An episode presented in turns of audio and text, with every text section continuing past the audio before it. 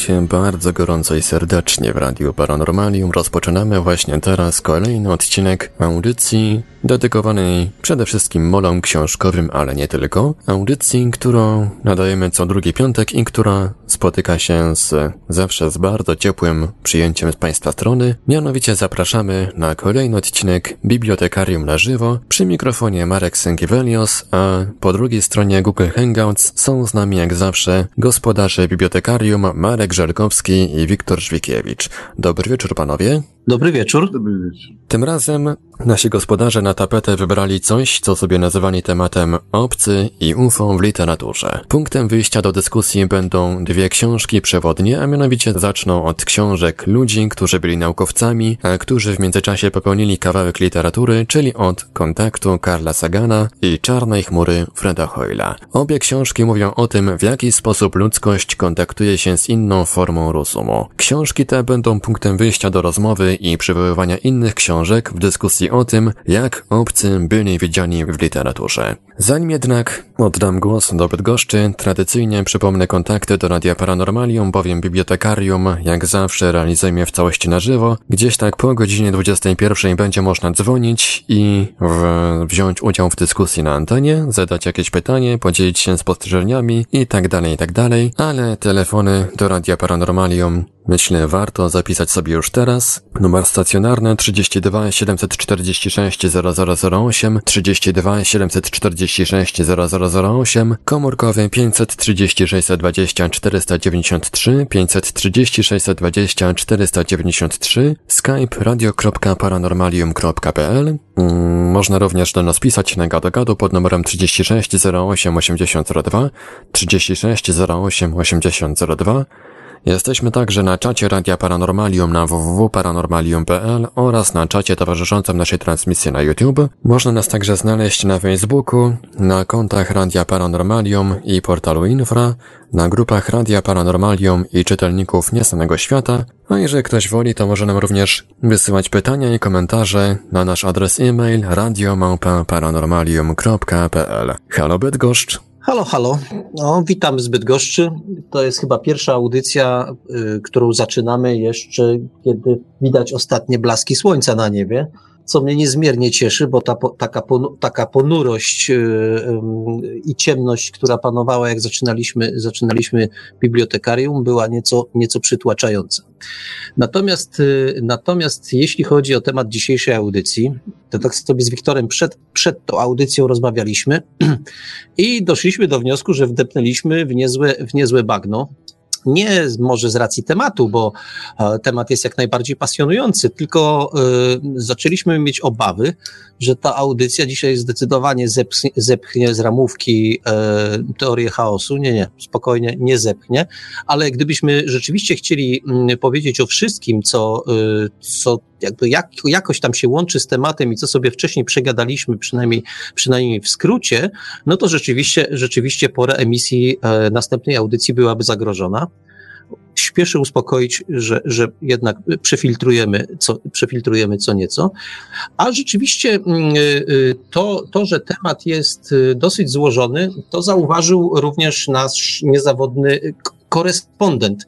Tak jak teoria chaosu ma stałego słuchacza, to ja myślę, że myśmy się już dorobili z Wiktorem stałego korespondenta. O 30 Pięć e, napisał bowiem do nas e, kolejny, kolejny liścik, kolejną informację, z której jesteśmy, za którą jesteśmy nie, niezmiernie wdzięczni, bo też y, trzeba przyznać, że z wrodzoną sobie y, przenikliwością o, o 35 potraktował temat, i sporo z tego, co napisał, no, pokrywa się z naszymi wcześniejszymi, wcześniejszymi dyskusjami, które sobie tutaj zażarcie toczyliśmy z Wiktorem. Ja pozwolę sobie przytoczyć przynajmniej fragmenty tego, co o 35 napisał. No to zaczynam. Mimo iż przeczytałem trochę książek e, w swoim życiu, powiem szczerze, temat dzisiejszej audycji Obcy i UFO w literaturze wcale nie jest łatwy. Pierwsze moje skojarzenie w tym temacie to książka Zbigniewa Nienackiego Pan samochodzik i człowiek z UFO. No, uśmieszek. Ja się też uśmiechnąłem, kiedy to przeczytałem, bo z racji tego, że coś tam jednak z panem samochodzikiem wspólnego miewam, Wiem doskonale, że pomimo tego tytułu y, Pan Samochodzik i Człowiek z UFO, jak się ktoś dobrze wczyta w tę książkę, to tam mm, no jest o wszystkim, ale mm, znaczy o UFO to tak bardzo, bardzo umownie, bo ten człowiek, który jest y, teoretycznie z UFO, to już później w następnych wydaniach, y, wydaniach ta książka nosiła inny, zupełnie inny tytuł. O ile dobrze pamiętam, y, to jest Pan Samochodzik Nieśmiertelny, albowiem e, tak naprawdę, jeśli, jeśli się wgryziemy w treść y, owej książki, no to, to ten, ten, ten, ten, ten człowiek z UFO, czy też ten nieśmiertelny, to nie tyle pochodził gdzieś tam z tego, z tego, no właściwie z UFO tak, jeśli weźmiemy definicyjne UFO, czyli niezidentyfikowany obiekt latający, no to w każdym razie nie był, nie można tego, tego człowieka kojarzyć gdzieś z, jakąś, z, jak, z jakimś przybyszem, z przybyszem z gwiazd, z obcą rasą. To był człowiek, no, będę spoilerował, e, to był człowiek, który przybył do nas w przyszłości, co zresztą też, jakby, jak wynika z samej książki, nie jest takie oczywiste, czy on z tej przyszłości przybył, czy też był po prostu zwyczajnym szaleńcem.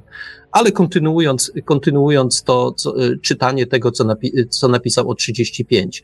Um, następnie z tych książek, które przyszły do głowy, to następnie to książka Ar Arnolda Mostowicza, My z kosmosu, Lucian Znicz ze swoim wielotomowym dziełem, a następnie Erich von Deniken z jego wspomnieniami z przyszłości. Zgadza się Lucjan Znicz, mm, też bydgoszczanin, rzeczywiście człowiek, który temat y, UFO w Polsce y, rozruszał. I to du, dużo, dużo sama tematyka y, zawdzięcza y, panu Lucjanowi, y, jego zdolności do, do zbierania informacji, przeszukiwania, przeszukiwania różnych źródeł to rzeczywiście, to rzeczywiście człowiek, który, który na tym polu się bardzo, bardzo zasłużył. Po głębszym zastanowieniu, tu czytam dalej o 35, e, po głębszym zastanowieniu kiedyś doszedłem do wniosku, że dobra literatura SF wcale nie potrzebuje do istnienia kosmitów oraz UFO. Co dziwnie, co dziwne, większości ludziom kojarzy się ona przecież z obcymi i ich latającymi spotkami. E, jest masę świetnych książek fantastyczno-naukowych, gdzie te dwa tematy wcale nie występują. Absolutna zgoda. Przykład, e, a proszę bardzo, chociażby e, seria Metro, czy chociażby rodzimego autora Apokalipsa Pana Jana. Pozdrawiamy Roberta Schmidta. Czy nie mam racji? Być może nie ale będę obstawiał przy swoim zdaniu, jeśli pozwolicie. Co do UFO i obcych, to może odejdę trochę od tematu, ale przypomniał mi się e, kolega o rok starszy ode mnie. Ja chodziłem do drugiej klasy podstawówki, a on do trzeciej, czyli był o rok starszy. Godzinami potrafił opowiadać, jak to widział wczoraj UFO i ufolutki, które zbierały z podwórek poszczególnych domów rozmaite interesujące ich rzeczy. Był bardzo przekonujący i dbał o rozmaite szczegóły. Byli wśród słuchających tacy, co mu wierzyli, być może mu y, też bym uwierzył, ale jak to się mówi, diabeł tkwi w szczegółach. Otóż w tym czasie, gdy według jego opowieści, czyli dzień wcześniej, do późnego wieczora, y, ci ufonauci się pojawiali, do późnego wieczora wraz ze mną i innymi kumplami E, haratał w gałę. Skąd u niego była taka wyobraźnia, doprawdy nie wiem. Był początek lat 80., były dwa programy w TV. Y, jedyny serial SF w tamtym czasie, co leciał, to chyba Kosmos 1999. Miał niesamowitą wyobraźnię. Szkoda, że od, y, że od wielu, od wieku kilkunastu lat zaczął zaglądać do kieliszka. Jakby to przeniósł na papier, być może powstałaby całkiem niezła literatura SF. Pozdrawiam o 35. No cóż, nic dodać niż u, nic ująć. Rzeczywiście jest tak, że ludzie, którzy mm, potrafią opowiadać e, ciekawe historie, czy to z ufonautami, czy też obcymi, czy bez nich, mają coś takiego, mają coś takiego, że um, czasami kończą, czasami kończą na kieliszku, a czasami i, i, i, głównie się na tym skupiają, a czasami rzeczywiście idą, idą w literaturę. Mamy tutaj przykład y, drugi, czyli Wiktora, który do, mm. do, alkoholu ma, do alkoholu ma stosunek obojętny zupełnie, natomiast do literatury zupełnie nieobojętny. Jedyny, je, jedyne, co, co jest go w stanie wytrącić z literackiego szału, to powiedzmy paczka papierosów. To zdecydowanie, zdecydowana namiętność. Ale nasz korespondent, że tak powiem, powiedział, że nie wie skąd ta wyobraźnia. A ja wiem, jak ja nie w latach 80., ale jeszcze w latach 50. nie odrobiłem lekcji, to nie takie rzeczy opowiadałem rodzicom i nauczycielom, co było tego powodem. UFO to było mały, drobny prysz po prostu. To jest kwestia wyobraźni i, i, i no i że tak powiem, no, trzeba umieć wybrnąć z sytuacji, a po tym, co ja opowiadałem nauczycielom, to naprawdę puszczano, wierzono mi po prostu, bo nie mogłem, nie mogłem przecież yy, wyssać z palca takich rzeczy, które które opowiadałem, nie? Że akurat mama w szpitalu, siostra umiera, że no nie wiem, to było prawie jako UFO. No wiesz co, ja ci powiem, że e, po prostu nauczyciele nie byli tak przenikliwi jako 35 i nie sprawdzali szczegółów po prostu. No, nie, nie byli bycie może bycie byli jednak w stanie złapać na, jakiś, na jakichś takich szczegółach tak. I tu być może twoja historia byłaby niespójna, no bo to też jest taka charakterystyczna nie, nie, sprawa. Nie, nie, nie, nie. Moje, moje, moje wyobraźnie były absolutnie zawsze spójne i, i, i tego. Natomiast widzisz, my tak sobie żartujemy w tej chwili i, i próbujemy tę rzecz traktować dosyć lekko, natomiast sam temat tej całej naszej dyskusji jest dosyć bardzo poważny, według mnie. Oczywiście można się uśmiechnąć, można, można to wzruszyć ramionami i tak dalej, ale jeśli w czasie rzeczywistym, w tym, którym żyjemy, y, coś y, za drzwiami stoi, coś na nas czeka, to rzeczywiście czeka nas kontakt z obcymi. Prędzej czy później oni się pojawią, jeśli już nie są tutaj. To jest kwestia tylko y, może mm, nie wiem, pięciu minut tą, pięciu minut tą, nie wiadomo jakim, jakim tego. Natomiast ta rzecz y, nastąpi z całą pewnością w najbliższym y, czasie i no, jaki to wpływ może mieć na nasze, na nasze życie, bardzo, bardzo ważny, albo nijaki. Zobaczymy. No, ty jesteś zdecydowanym optymistą. Mm. Zresztą chyba podobnie jak e, Carl Sagan, niektórzy chcą, żeby mówić Sagan, nie wiem, mm. pojęcia nie mam, jak, jakby, jakby, go, jakby go tutaj tytułować, czy w ten, czy w ten sposób. Nieważne, wi wiadomo o kogo chodzi, czyli autora, autora mm, powieści, później zekranizowanej, czyli y, powieści Kontakt, oraz y, y, drugie, drugą osobę, czyli Freda Hoyla, autora, autora powieści Czarna Chmura. Nie mylić z Czarnymi Chmurami, serialu, serialem produkcji, produkcji polskiej. Oni też byli właściwie y, tak optymistycznie nastawieni do, te, do, do, tematu jak ty, czyli no, kontakt będzie, będzie i to pewno, pewno niedługo, Mo, może trzeba będzie troszeczkę poczekać, Powiem Ci, że ja nie jestem aż takim, nie jestem aż takim optymistą, ale powiedzmy to, co ja, to, co ja uważam, to jest może najmniej ważne. Yy, uważam, ale uważam przy okazji, że obojętnie, czy ten kontakt będzie za 5 minut, jak Ty chcesz, czy też za jakiś czas, a być może nigdy nie nastąpi, to E, to e, myślę, że zawsze jest to temat, zawsze jest to temat ciekawy i inspirujący. Obojętnie, czy oni są gdzieś tam, czy ich nie ma, to jak sobie zaczniemy o nich gadać, to zaraz będzie, zaraz, zaraz się zrobi ciekawie. Mam pytanie do ciebie.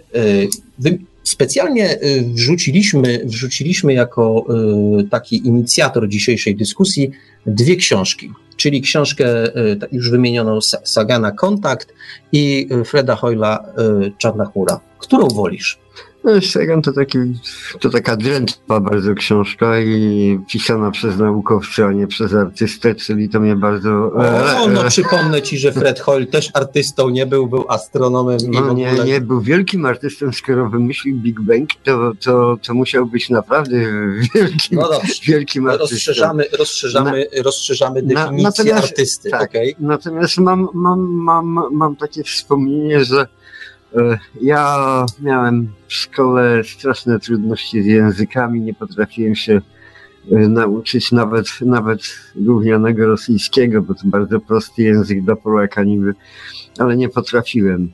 No i kiedyś były wakacje, to chyba była trzecia klasa, e, czy piąta klasa szkoły podstawowej.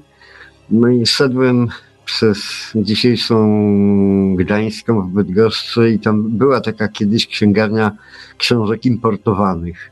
No i zobaczyłem w tej księgarni na wystawie książkę po rosyjsku, po rosyjsku wydaną Freda Hoyle właśnie e, Czarna chmura, Czerny Ablako po rosyjsku. No zobaczyłem ją i zgłupiałem. Rosyjskiego nie znałem ni w ząb, angielskiego również. No ale widziałem science fiction i to jeszcze wielkiego astronoma. Odszedłem do księgarni, poprosiłem tę książkę i kupiłem.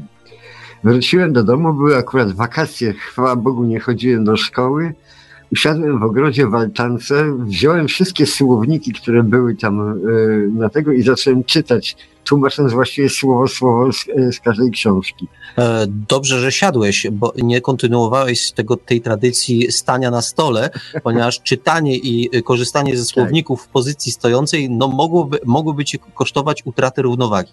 Dobra, wrac, wracajmy do opowieści. Ale sobie, że, że pamiętam doskonale, że na, w ciągu całego dnia potrafiłem przeczytać półtorej strony z tej książki, przetłumaczyć ją na, na zrozumiały dla siebie jakieś język na tyle i tak czytałem. Stronę dziennie, następną stronę, ale mój zapał był ogromny. I teraz powiem coś, co można uwierzyć albo nie. Po skończeniu tej książki ja znałem perfekt rosyjski. Od tego czasu ja przeczytałem wszystkich Strugackich, całą literaturę prawie Dostojewskiego przeczytałem po rosyjsku, bo to jest zupełnie inna literatura niż tu w tłumaczeniu na polski. Ten język, ale dzięki Fredowi Hoyle właśnie. No, motywacja. Wielkie motywacja. są zasługi Freda Hoyla, tak. ale dobrze. To oczywiście historia martyrologii, mm. twojej martyrologii i kontaktu z, mm. z powieścią e, Freda Hoyla, ale wrócę, wrócę mm. do mhm. pytania, która, e, a właściwie zmodyfikuję, która z tych książek jest dla ciebie bardziej przekonująca? Fred Hoyle. A dlaczego? Dlatego, bo jest więcej wyobraźni w tym wszystkim, więcej, więcej tego jest. Zresztą ten taki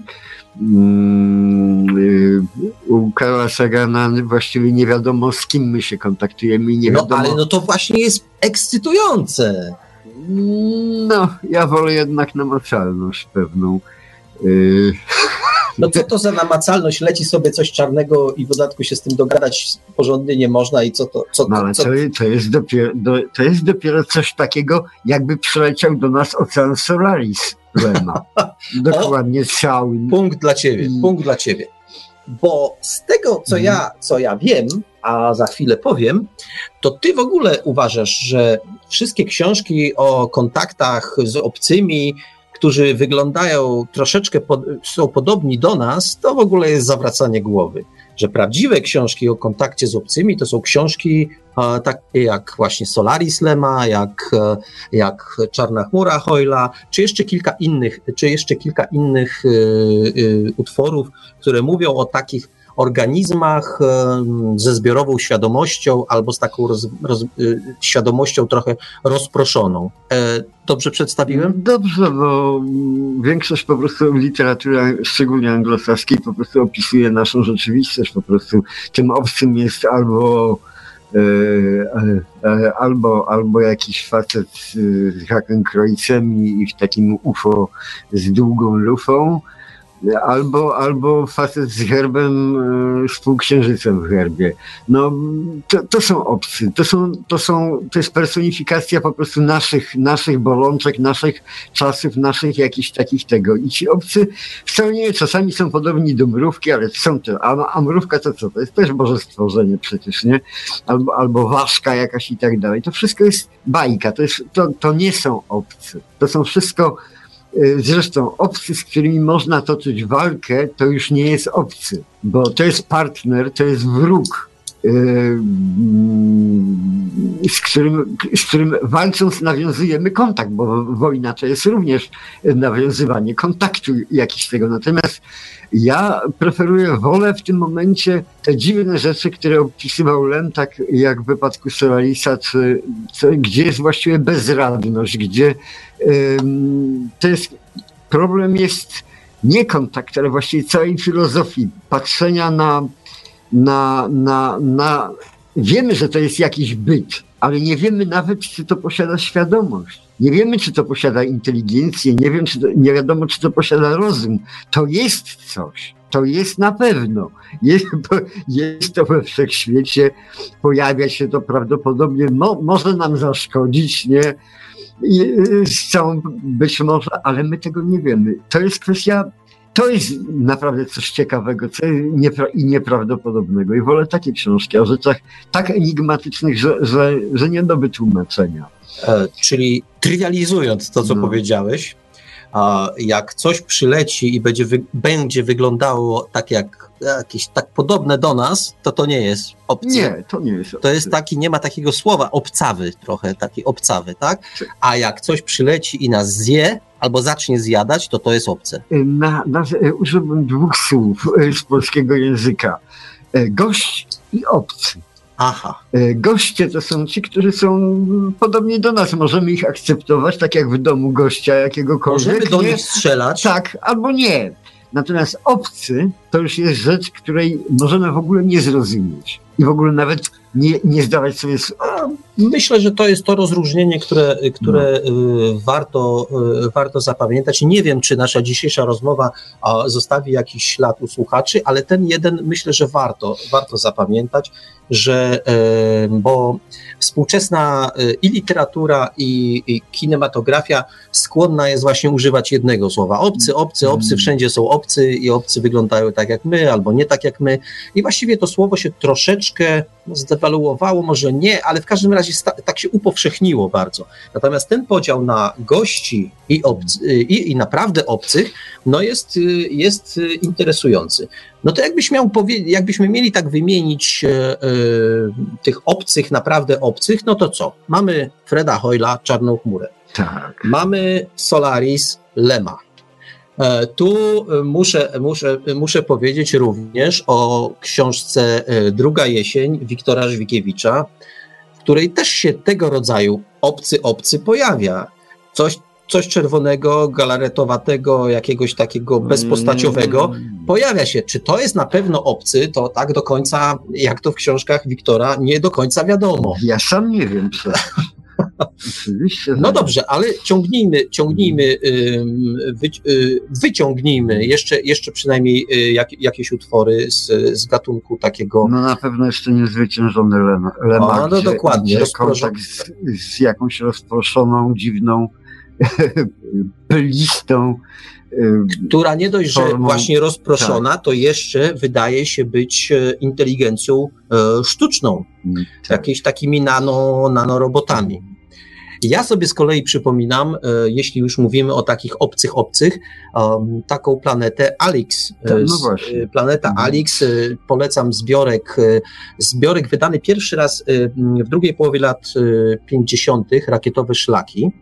Tam się, tam się opowiadanie, e, to się nazywało bodajże Samotna Planeta. No tak, może Leinster taki Tak, i, i, i, i, i tam, tam się e, Alix poje, e, po, pojawiała. To był taki ocean, no, czy właściwie trudno mówić ocean, to taka, taka, taka materia, plazma pokrywająca sporą część planety powiedzmy sympatyczne w tym opowiadaniu było to, że po prostu Alix lubiła ludzi lubiła, jak na tej planecie ludzie przebywali. Miała w pewnym momencie zaczęła mieć swoich ludzi.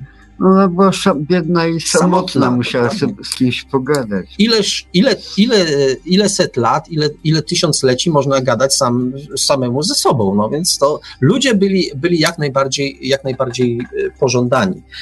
A Okej, okay, to mamy tych obcych obcych, ale ja chciałem zapytać Ciebie, czy Ty jakby myślałeś kiedyś o tym, kiedy tak naprawdę obcy w literaturze się pojawili? Mm, to znaczy, y, obcy się pojawiali zawsze, ale to było tak jak w średniowiecznych rysunkach. Ci w Ameryce to mają jedną nogę albo jedno oko z tyłu głowy i tak dalej. Te wszystkie rysunki. Jest pełno liczin, jak sobie wyobrażano kiedyś y, istoty zamieszkujące inne kontynenty i tak dalej, co jest takiego możliwego. My no później żeśmy bardzo często taką samą projekcję czynili we wszechświat i tak dalej. Natomiast yy, w całej kulturze przez całe tysiące lat obcy się nie pojawiali pewne ślady, które my dzisiaj znajdujemy w religiach, w kulturach i tak dalej, innych tego, to nie są wyobrażenia obcych z, z kosmosu, obcych z innych planet, tylko projekcje naszych, naszych wyobrażeń o sobie albo o nam podobnych ludziach, istotach, albo no coś takiego. No tak, no. Y, ja mam, ja mam taką uwagę zasadniczą po prostu, bo ja twierdzę, że y, żeby się mogli w ogóle pojawić, żeby się mógł ten temat obcy pojawić, nagle, na, najpierw musieliśmy się pojawić my, jako ludzie, jako gatunek na Ziemi. A to wcale nie było takie proste. Y, do tego trzeba było Darwina, trzeba było e, teorii ewolucji, do tego trzeba było e, mnóstwo przeobrażeń społecznych e, z zaakceptowaniem żółtych, czarnych i czerwonych jako ludzi również, po prostu, którzy zamieszkują tą Ziemię, tą planetę i uświadomienie sobie, że to jesteśmy my, my wszyscy na tej Ziemi, y, to jesteśmy my, a na zewnątrz może być ktoś obcy. To z tym my nie było tak, nie, nie było tak prosto przecież i to długo nie było. Bogiem prawdą to dopiero tak w XIX-XVIII wieku y, y, zaczęła się pojawiać ta, cała to poczucie tożsamości y, my. I to się pojawiło w Europie, wyłącznie w Europie. Wszystkie kultury te takie orientalne, że tak powiem, żyły sobie i nas traktowały raczej jako obcych Dopiero myśmy sobie uświadomili, że my wszyscy jesteśmy po prostu jednym gatunkiem, jesteśmy braćmi, jesteśmy siostrami i tak dalej. I po prostu jesteśmy my. No. No. no wiesz, to, to co powiedziałeś, ja za chwilę postaram się rozwinąć za chwilę, natomiast powiem tak, no, e, e, ten e, ci obcy, którzy się e, pojawiają albo nie pojawiają, na przykład gdzieś tam e, na rysunkach i tak dalej, to jest rzecz oczywiście dyskusyjna i jakbyśmy weszli głębiej e, w tematykę, to rozpętalibyśmy następną dyskusję, bo być może są to wizerunki obcych, którzy tu kiedyś przybyli. Ale nie to jest dzisiaj jakby, tematem, ani jakby, a, ani na pewno tematem dzisiejszej audycji, w związku z czym temat wizerunków obcych gdzieś tam na skałach, czy jednookich, czy jedno jednonogich zostawmy, mm, bo, bo to byśmy zaczęli rozmawiać o tym, czy oni tutaj byli, czy nie byli i czy e, nasi, nasi e, pra dziadowie ich widzieli, czy nie widzieli. Ten temat zostawmy. Ja tylko jeszcze odpowiem o 35. To prawda, to tak jak powiedzieliśmy, nanoroboty u, u, u Lema mm, w Niezwyciężonym, ale ktoś te nanoroboty wytworzył i to jest w ogóle tematyka, którą pewno dzisiaj jeszcze dotkniemy, czyli sztucznej inteligencji, e, tego, co się, tego, co się pojawiło za sprawą e, innych organizmów, a później może te organizmy po prostu wyginęły, albo, albo te nanoroboty są jakąś kontynuacją tej, tej zwykłej inteligencji. Tu się można oczywiście oczywiście, zastanawiać. Mnie natomiast mm, e, to, co powiedziałeś, e, jest bardzo interesujące odnośnie e, to, co, to, co powiedziałeś odnośnie teorii ewolucji. Bo to się bardzo zgadza mm, z tym, co w swoim czasie miałem okazję usłyszeć na jednym, jednym z konwentów SF od pani Dominiki Oramus. To jest żona pisarza Marka Oramusa. Otóż ona mówiła, co prawda, w kontekście e, literatury SF szeroko pojętej, takiej tych początków, czyli na przykład, na przykład e, postaci Frankensteina, czy doktora Frankensteina i jego, jego monstrum, ale też e, takich powieści jak Dr. Jekyll i Mr. Hyde to jakby że się pojawił pewien niepokój w XIX wieku, takie zainteresowanie z jednej strony tym, że e, ta teoria ewolucji e, prowadzi skądś dokądś, że coś się zmienia, że człowiek to nie jest taki organizm, że być może człowiek to nie jest taki organizm, taka korona stworzenia, e, którą Bóg postawił na, na, gdzieś tam na szczycie, tylko być może człowiek się zmienia. Do tego y, Dominika Oramus, Oramus dokłada jeszcze y, to, że mm, Cywilizacja w XIX wieku mocno się zaczęła zmienić, a industrializacja, która następowała, maszyny, to, to był taki symbol y, drugiej połowy, drugiej połowy XIX wieku i znalazło to swój, swoje odbicie również w literaturze, bo powiem tak, tak naprawdę, ja to za chwileczkę rozwinę, ale tak naprawdę tacy prawdziwi obcy y, z krwi i kości, literaccy obcy w literaturze, oni się pojawili tak naprawdę w samej końcówce tak. XIX wieku. Tak, tak, tak.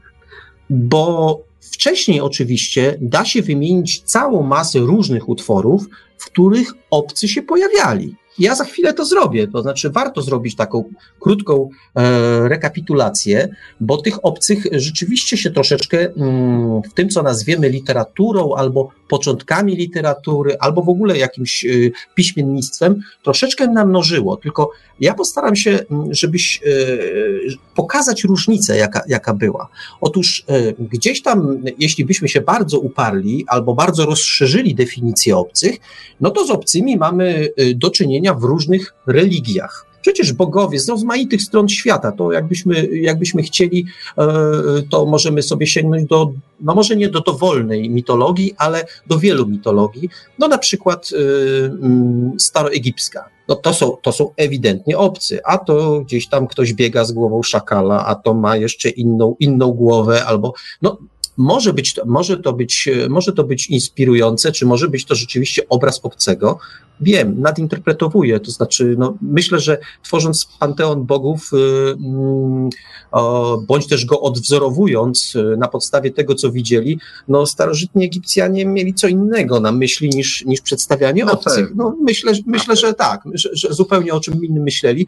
Podobnie gdzieś tam na subkontynencie indyjskim, gdzie bogów, gdzie bogów są tysiące, no to jeśli nawet tam dostrzegamy jakieś istoty, które mają niebieską skórę, to, to może dziewięć, dziewięć rąk, czy, a chociażby, chociażby to może niekoniecznie jest obraz obcego, tylko obraz e, bogatej, bogatej wyobraźni. Ale i, i może niekoniecznie świadczącej o tym, że oni widzieli, widzieli, czy też chcieli dostrzegać obcych, tylko chcieli dostrzegać innych.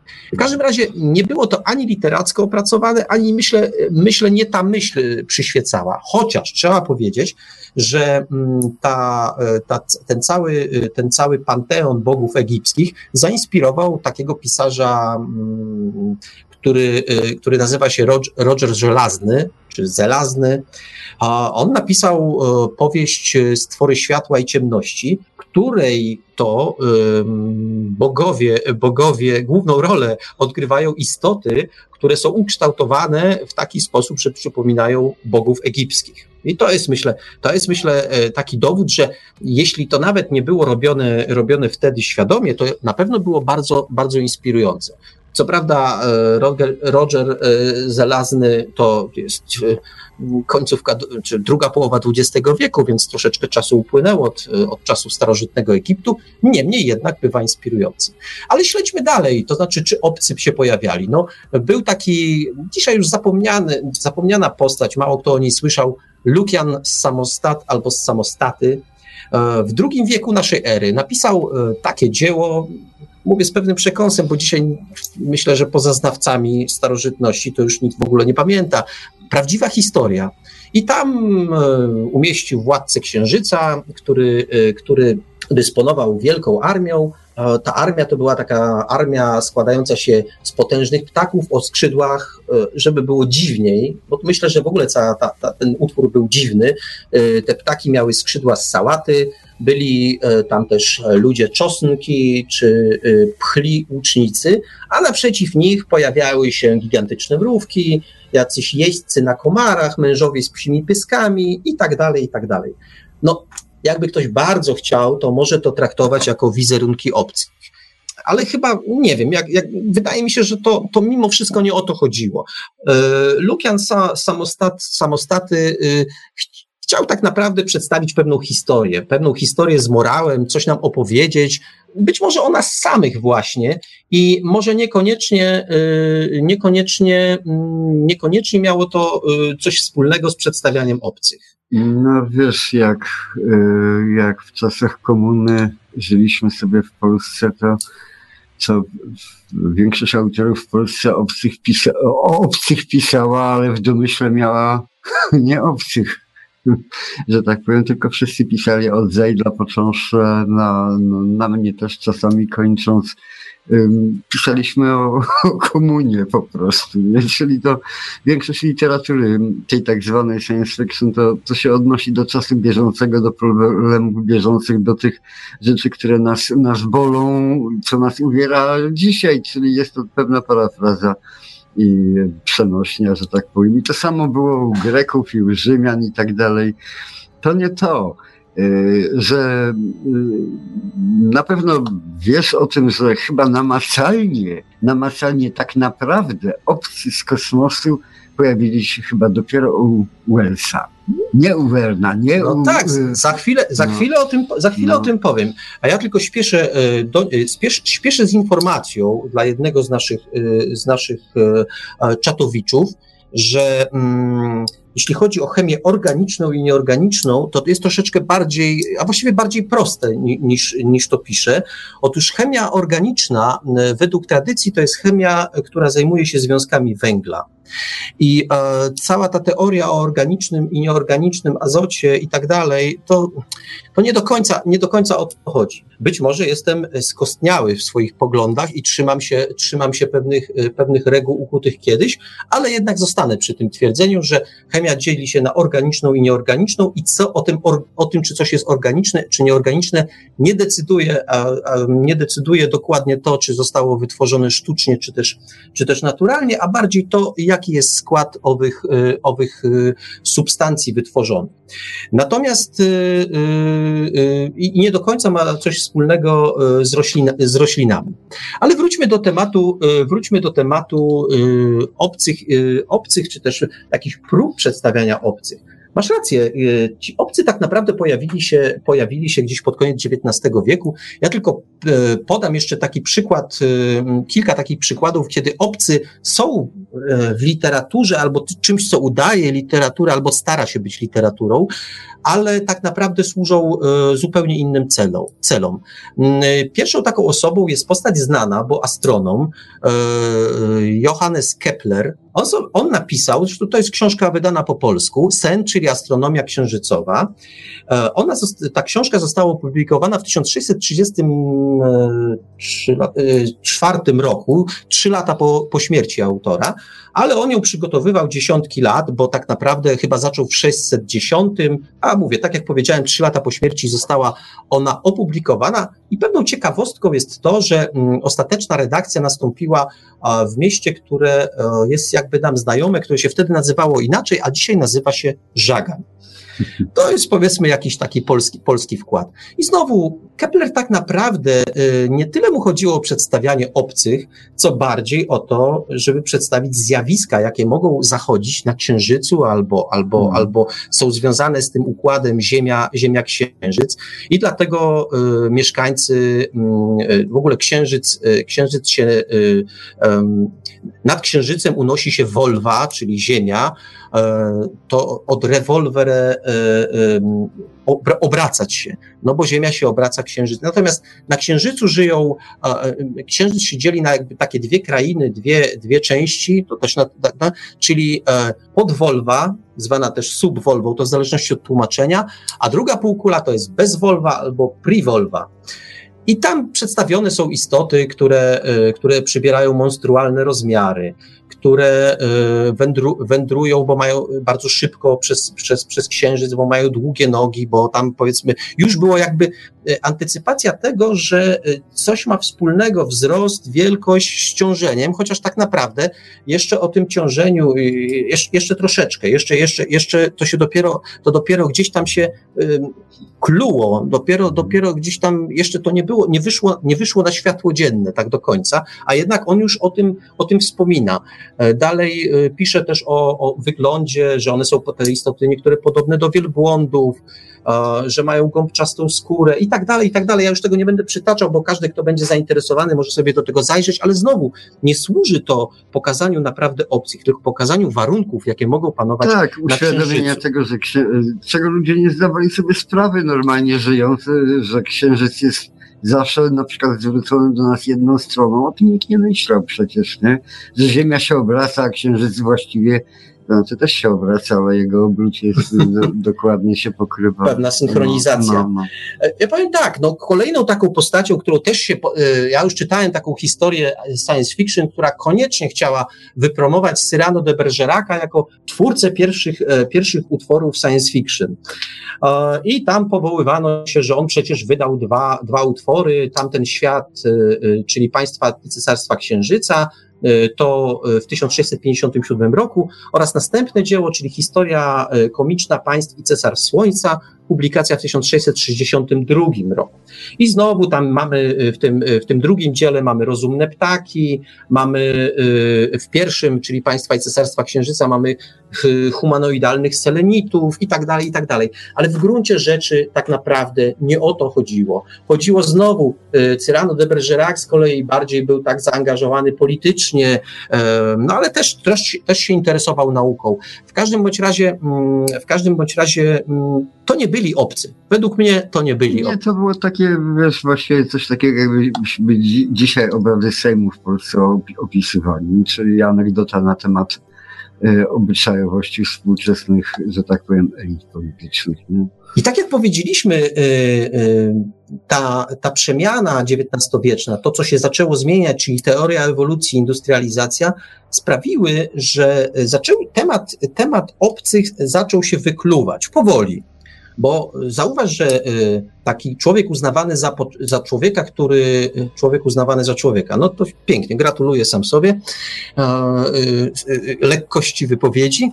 No w każdym razie Juliusz Wern, on chociaż tworzył SF, to, y, to jeszcze o, za obcych się nie brał. Jeszcze mu to było, jeszcze interes, pokazywał różne dziwne, dziwne urządzenia, mniej lub bardziej dziwne, ale jednak za, za obcych się nie brał. Pierwszą osobą, która, która y, w sposób taki y, była znana i, i publikowała, publikowała utwory, w których obcy się pojawiali, był Herbert George Wells.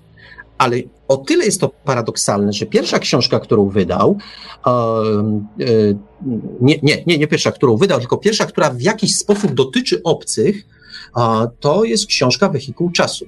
I ktoś mi, od razu, ktoś mi od razu zapyta, no a gdzie tam są obcy? No przecież tam żadnych obcych nie ma. Facet się przenosi do roku 800, 800 tysięcy, no, 800 tysięcy lat w przód się przenosi. O, może to będzie prościej powiedzieć. I co tam zastaje? Tam są Elojowie, Morlokowie, ale to są rasy, które wy, wy, wykształciły się z człowieka. To człowiek. I to był taki pierwszy sygnał. To na razie, na razie George Wells y, tak nieśmiało, nieśmiało y, zasygnalizował, że ewolucja rzeczywiście może być kluczem do tego, że obcy, że obcy się pojawiają. No bo przecież ta rasa była z punktu widzenia nas jako ludzi zupełnie, zupełnie obca dla nas. Ale y, Wells na tym nie poprzestał, bo y, o ile Wehikuł Czasu wydał w 1895 roku, to już trzy lata później wydał książkę, którą uważa się za y, takich pierwszych obcych, którzy się na Ziemi pojawiają, a mianowicie Wojny Światów. W 1898 roku pojawiła się Wojna, Wojna Światów. I jakby. No i właśnie to jest to, jest, te, wtedy się pojawia, wtedy no. się w science fiction pojawiają tak. obcy. Dopiero właściwie mhm. wtedy. Ja wiem, że pewnie, e, pewnie zdałoby się znaleźć jakąś książkę przez jakiegoś ówczesnego niszowego pisarza napisaną, gdzie obcy już by się pojawili, ale to był jak pewien znak czasów. No, pewna masa krytyczna narosła i obcy mogli się pojawić. I czy rzeczywiście był to e, Herbert George Wells, czy też był to jakiś inny, mniej znany, niszowy autor, nie będę się spierał. Zapewne mogło tak być, że był ktoś, ktoś inny. W każdym razie e, Wells nadał temu rozpędu. E, te, ci jego obcy są e, wprost wytworem ewolucji. To jest takie puszczenie oka do czytelnika i powiedzenie: patrzcie, będziemy się rozwijać, będziemy ewoluować i być może coś takiego się pojawi. Zanikną nam pewne, e, pewne organy, będzie się nam ciężej poruszać, będziemy jacyś tacy dosyć paskudni, bo przecież ci obcy, obcy, którzy lądują, przybysze z Marsa, Marsjanie, no no, nie byli fajni. To już różnie, różne filmy przedstawia, przedstawiały, ale e, sam Wells pisze, że w tylnej części głowy y, mieściła się jedna taka sztywna membrana, która pełniła rolę ucha. No w ogóle było to dosyć, z punktu widzenia, przepraszam, z punktu widzenia człowieka było to dosyć paskudne, to coś, co sobie później tymi trójnogami chodziło i podbijało ziemię. Na szczęście nie udało się do końca. No ale mniej więcej w, tą, w tym samym kierunku zmierza cała współczesna technologia, na przykład jak się czyta opisy e, projektowanych mundurów e, żołnierzy amerykańskich z takimi wspomaganiami zmysłów, mięśni i tak dalej, to już są właściwie serwomotory takich Marsjan. Mam nadzieję, że nas nie pokonają.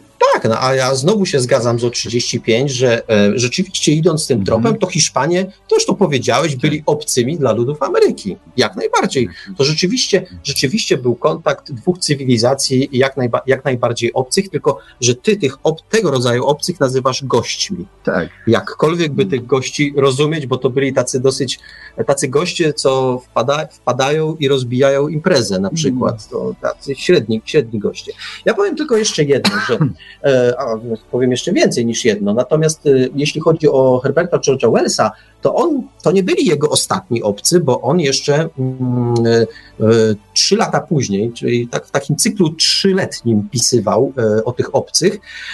W 901 roku wydał książkę Pierwsi ludzie na Księżycu. I tam również pojawiają się obcy. Tylko, że o ile ci obcy z Marsa, to oni byli tacy dosyć paskudnawi, tacy galaretowaci i w ogóle tacy jacyś bakterie ich wykończyły. O tyle jakiś ten temat był bliski, y, bliski Wellsowi, bo, y, bo w tej powieści Pierwsi ludzie na Księżycu też są obcy, to są selenici, jacyś tacy owado, owadopodobni. Ich też zresztą y, wykończyły, wykończyły bakterie. Czyli jak się ma dobry pomysł, to go trzeba eksploatować do końca, czego, czego y, Herbert George Wells jest najlepszym dowodem. Ich też wykończył Katar bodajże, jeżeli mi się nic nie pomyliło, to właśnie chyba Katar jednego, jednego z uczestników, uczestników wyprawy. No i mamy do czynienia już właśnie z pierwszym takim pokazaniem obcych jako, jako, jako istoty zupełnie odmienne od ludzi. To już nie ewolucja, to już, e, to już, e, bo o ile jeszcze możemy sobie wyobrazić, że Marsjanie e, z Wojny Światów to byli tacy ludzie za mm, kilka milionów lat, a może za kilkadziesiąt tysięcy lat, no to Selenici z pierwszych ludzi na Księżycu to już na pewno nie byli ludzie, to już byli tacy, to były istoty, które się oczywiście nam kojarzą z, z, jakimiś, z jakimiś tam owadami, ale jednak, no, już jednak mocno, mocno różni, mocno różni. Jak e, po raz dwukrotnie w tej audycji użyłeś jako porównanie czegoś paskudnego słowa galaretowaty. Nie rozumiem. Ja uwielbiam galaretkę. Galat jest świetną rzeczą. Ga galaretowaty wcale nie musi być paskudny paskudna po prostu. No, nie no, galaretowatość jest najlepsza na świecie pod warunkiem, że, że trafia, trafia do przewodu pokarmowego. E, możemy ją ściamkać i połknąć, to wtedy jest galaretowatość jest jak najbardziej przyswajalna. Natomiast powiem Ci tak, no ja mam jednak pewien opór przed dotykaniem wszelkiego, wszelkiego czegoś, co jest galaretowate, no być może, być może. Yy, yy... To jest konsekwencja tego, że, że my mamy, my uwielbiamy misie, bo nasze mamusie no y, tak. Jaskiniowe były jeszcze w pełni owłosione. I, I tak powiem, i że tak powiem. Misie lubią dzieci, dzieci tak. lubią misie. Tak. E, krótka odpowiedź dla, dla jednego z czatowiczów e, Rexio. Otóż nie, Żuławski kawałeczek później napisał o obcych. Rzeczywiście, mówię, wytworzył się taki czas, że zaczęto pisać o obcych. E, Żuławski zrobił to jednak troszeczkę, troszeczkę po. Tak, ale, ale po, ja, po ja, bym podkreślił. Zaraz to, powiem że, zresztą na ten temat. Że Żuławski właściwie spuentował tą nie, całą. Oczywiście, że tak. To, co Wells wymyślił, tak samo mniej więcej jak Lem spuentował tym Solarisem to, co wymyślił Ali, y, ten Murray Leinster y, w tym Aliksie po prostu. To jest rozwinięcie i zakończenie właściwie tematu, bo już niewiele można dodać. E, ja powiem, ponieważ są hmm. jeszcze wątpliwości, czy Żuławski nie był pierwszy. No nie był pierwszy, przynajmniej jeśli chodzi o publikację. E, pierwsze wydanie na Srebrnym Globie, mm, czyli rękopisu z Księżyca, było w roku 1903 a przypomnę, że pierwsza wojna, e, że wojna światów ukazała się w 1898. Kto co napisał wcześniej, tego nie wiem, nie mogę tego wiedzieć, ale jeśli chodzi o daty wydań, to tak to wyglądało.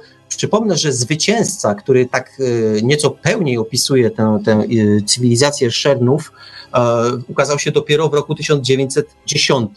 To też warto, warto wiedzieć, no ale to powiedzmy, to są szczegóły. Ja tak naprawdę, czy ktoś napisał coś kilka lat wcześniej czy później, to moim zdaniem, moim zdaniem tak chyba nie do końca, nie do końca ma znaczenie. To nie jest zresztą takie ważne, bo e, nawet jeżeli Żuławski był dziesiąty z kolei, to on to zrobił najwspanialej, bo to e, rozwinął te wszystkie rzeczy w taką piękną trylogię, no dzisiaj może już ciężko do czytania się nadaje, natomiast e, ona była czymś, co ja jako dziecko czytałem z wypiekami na twarzy i nie, nie mogłem spać po nocach.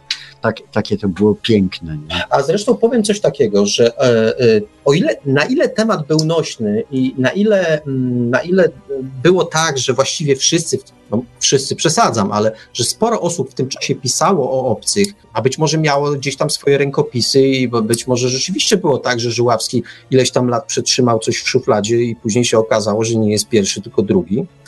Ale na ile to było, na ile to było powszechne, to wspomnę o książce Gustawa Lerouge, o, to również wydane w Polsce w latach 80. pierwsze wydanie było, znaczy, nie, było jeszcze przedwojenne, e, ale w roku 1908 e, ukazał się Więzień na Marsie, e, w Polsce w 29 oraz coś, co, a później, rok później, w 1909 ukazały się tom, który w Polsce został wydany jako Niewidzialni, a gdybyśmy tłumaczyli tytuł, to tak naprawdę Wojny Wampirów.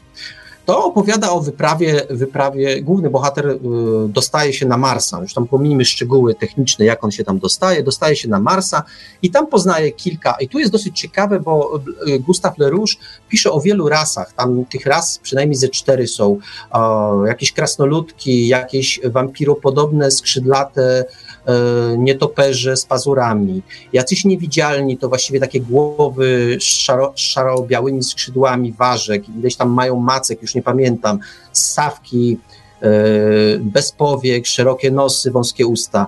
Jest wreszcie istota... Mm, jak tego słucham, to chce mi się trochę śmiać, ale jak się nie, no, tą książkę, to jest fajna. No a, fajna, tak fajna, ale jak się tak właśnie to sprowadzi do mhm, kilku mhm. wyrazów, to zaczyna, mhm. zaczyna być śmiesznie. Y, jest tam też wielki mózg, taki rozroś, rozrośnięta, rozrośnięta, rozrośnięta szaro, szara substancja, która gdzieś tam sobie egzystuje na Wyspie Śmierci e, i ten mózg jest tak naprawdę, bo to znowu jest nawiązanie do teorii ewolucji, w ogóle do, do, do pewnej koncepcji, bo na Marsie jest coś w rodzaju całego łańcucha pokarmowego. Te istoty, nie dość, że świadome i jakieś takie, takie e, na swój sposób rozumne, w różny sposób rozumne, to przecież e, one się nawzajem zjadają, czy też, tak jak powiedziałem, e, na przykład ten wielki mózg z Wyspy Śmierci, on stoi na czele łańcucha, łańcucha pokarmowego na tej, na tej planecie, więc o tyle, o tyle to może być interesujące. I tak jak powiedziałem, był też, był też Żuławski, to jest cały czas ten sam okres, to są pie, pierwsze dziesięcio, e, końcówka wieku XIX i pierwsze, pierwsze dziesięciolecie e, wieku XX. Jest Żuławski ze swoją trylogią e, księżycową. Ja uważam, że po pierwsze Szernowie, których stworzył, ta rasa to jest taka rasa pokryta czarnym włosiem, która potrafi ludzkie kobiety zapładniać za pomocą impulsu elektrycznego. Są, one się, te istoty mogą w jakiś tam sposób, aczkolwiek nie latają, z wielkimi ptakami kojarzyć, są bardzo inteligentni. Porozu- te szernowie porozumiewają się za pomocą e, telepatii, mm, mają te dwie białe macki, którymi wytwarzają elektryczność i zapładniają kobiecy, kobiety. E, kobiety w wyniku tego zapłodnienia rodzą e, nowy gatunek istot, e, które są nazywane mor morcami, mutant, coś w rodzaju mutantów. Nie wiem, czy to słowo wtedy funkcjonowało, a w każdym razie no, dzisiaj byśmy powiedzieli, że, że, to, że to mutanci. I to jest właściwie początek. Tak się y, pewno tych autorów wokoło, ci są najbardziej znani, było sporo. Gdzieś tam się później jeszcze pojawia w 1912 roku Edgar y, Burroughs ze swoją księżniczką Marsa, obecnie gdzieś tam ileś razy sfilmowaną, y, raz telewizyjnie, raz później jako, jako chyba w tej chwili, o ile wiem, o ile pamiętam, od godziny w którymś z programów telewizyjnych um, ekranizacja księżniczki Marsa um, właśnie jest, jest nadawana. Więc jakby kogoś znudziła nasza, nasza dyskusja, to może się zawsze przyłączyć, przyłączyć na, na, y, na mm, Johna Cartera, to się chyba tak nazywa, nazywa ten film film. Mamy oczywiście jeszcze z takich niepokojących historii y, z obcymi istotami, ale które właściwie już mają status bogów, no to jest cała twórczość Filipa Lovecrafta. Cały zbiór Zew Cthulhu. W Polsce wydane, to pierwsze wydanie było w 1983 roku i ten Zew Cthulhu w 26 roku był, to się ukazało po raz pierwszy. Tam też są takie istoty obce nam zupełnie, bo one wyglądają, jakieś takie są mackowate, mają antropoidalne kształty, ale z drugiej strony mają łeb ośmiornicy.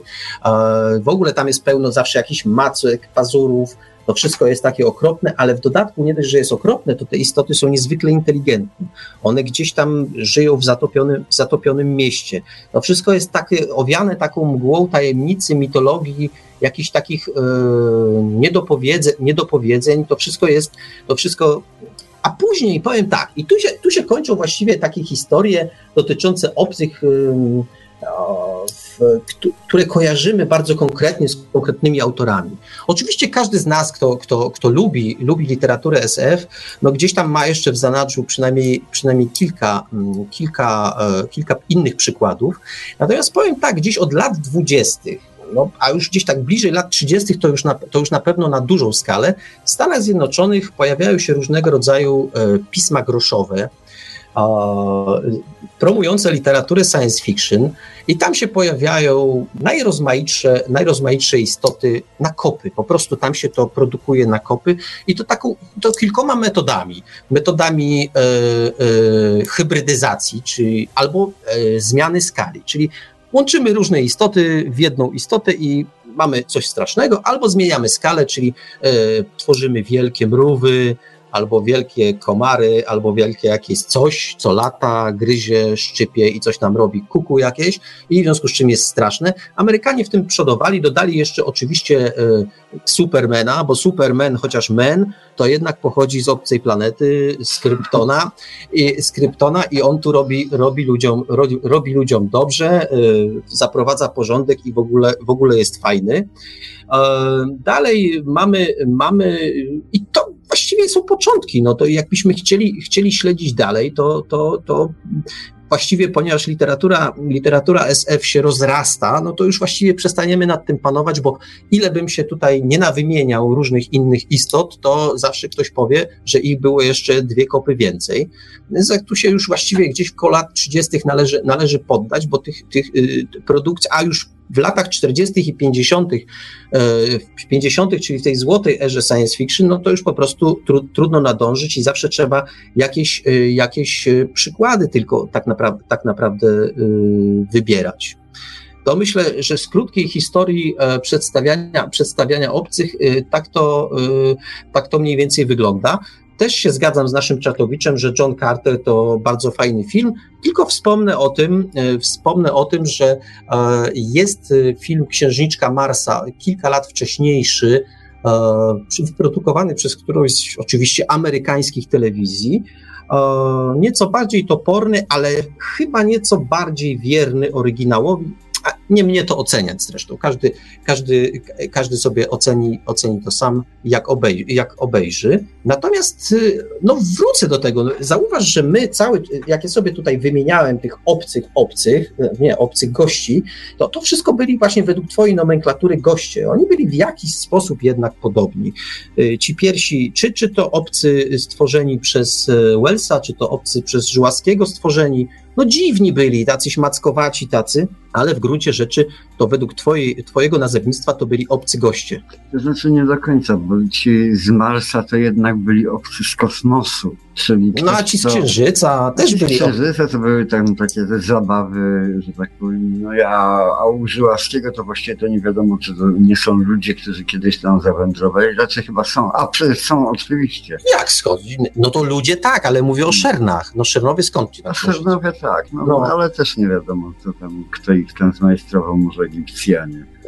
Y, w każdym razie dla mnie osobiście na przykład to obcy to się pojawili dużo, dużo, dużo później w literaturze, wcale nie w literaturze, bo mnie to tak bardzo nie interesowały te opowieści takie o współczesności, natomiast chyba u mnie się pojawiły razem z filmem, ósmym pasażerem Nostromo. A, to dla ciebie, to twoje obcy, to, tak? był mój, to był mój obcy, ja rzeczywiście siedziałem jak wryty w fotelu i, i wtedy zacząłem wierzyć, że, że się coś takiego może zdarzyć, a poza tym to jest fajne, to znaczy fajne. O tyle fajne, że, że później jest przyjemnością grałem w Predatora, taką grę komputerową, gdzie się też tam z tym... Nie ma bibliotekarium bez wspomnienia o grach komputerowych. Proszę bardzo. Nie no, gry komputerowe również mają całą historię, że ona jest króciutka, ma te 20 lat dopiero, ale, ale y, te takie sztandarowe y, przykłady jak Master of Orion, gra, która ma już chyba trzy czy cztery odsłony, tak samo UFO, UFO jedynka, dwójka i potem jakaś chyba jeszcze Czesi coś robili. To są wszystko gry, które opisują obcych w bardzo fajny sposób, bo opisują kosmicznych po prostu agresorów i, i my toczymy wa- wo- wojnę z realnym przeciwnikiem, nie z żadną parafrazą naszego polityka, czy albo kogoś, kogo nie lubimy aktualnie za granicą, za Bugiem albo za, za, za Odrą, tylko g- walczymy z, rzeczywiście z kosmicznym agresorem, nie? No i to jest takie bardziej racjonalne, racjonalny po prostu obcy, a nie ten jakiś stworek z latającą sałatą, nie? Nie, pardon, ze skrzydłami z sałaty. No tak, no to już mówiliśmy, że tam ci obcy to w ogóle do, zanied do zaniedbania.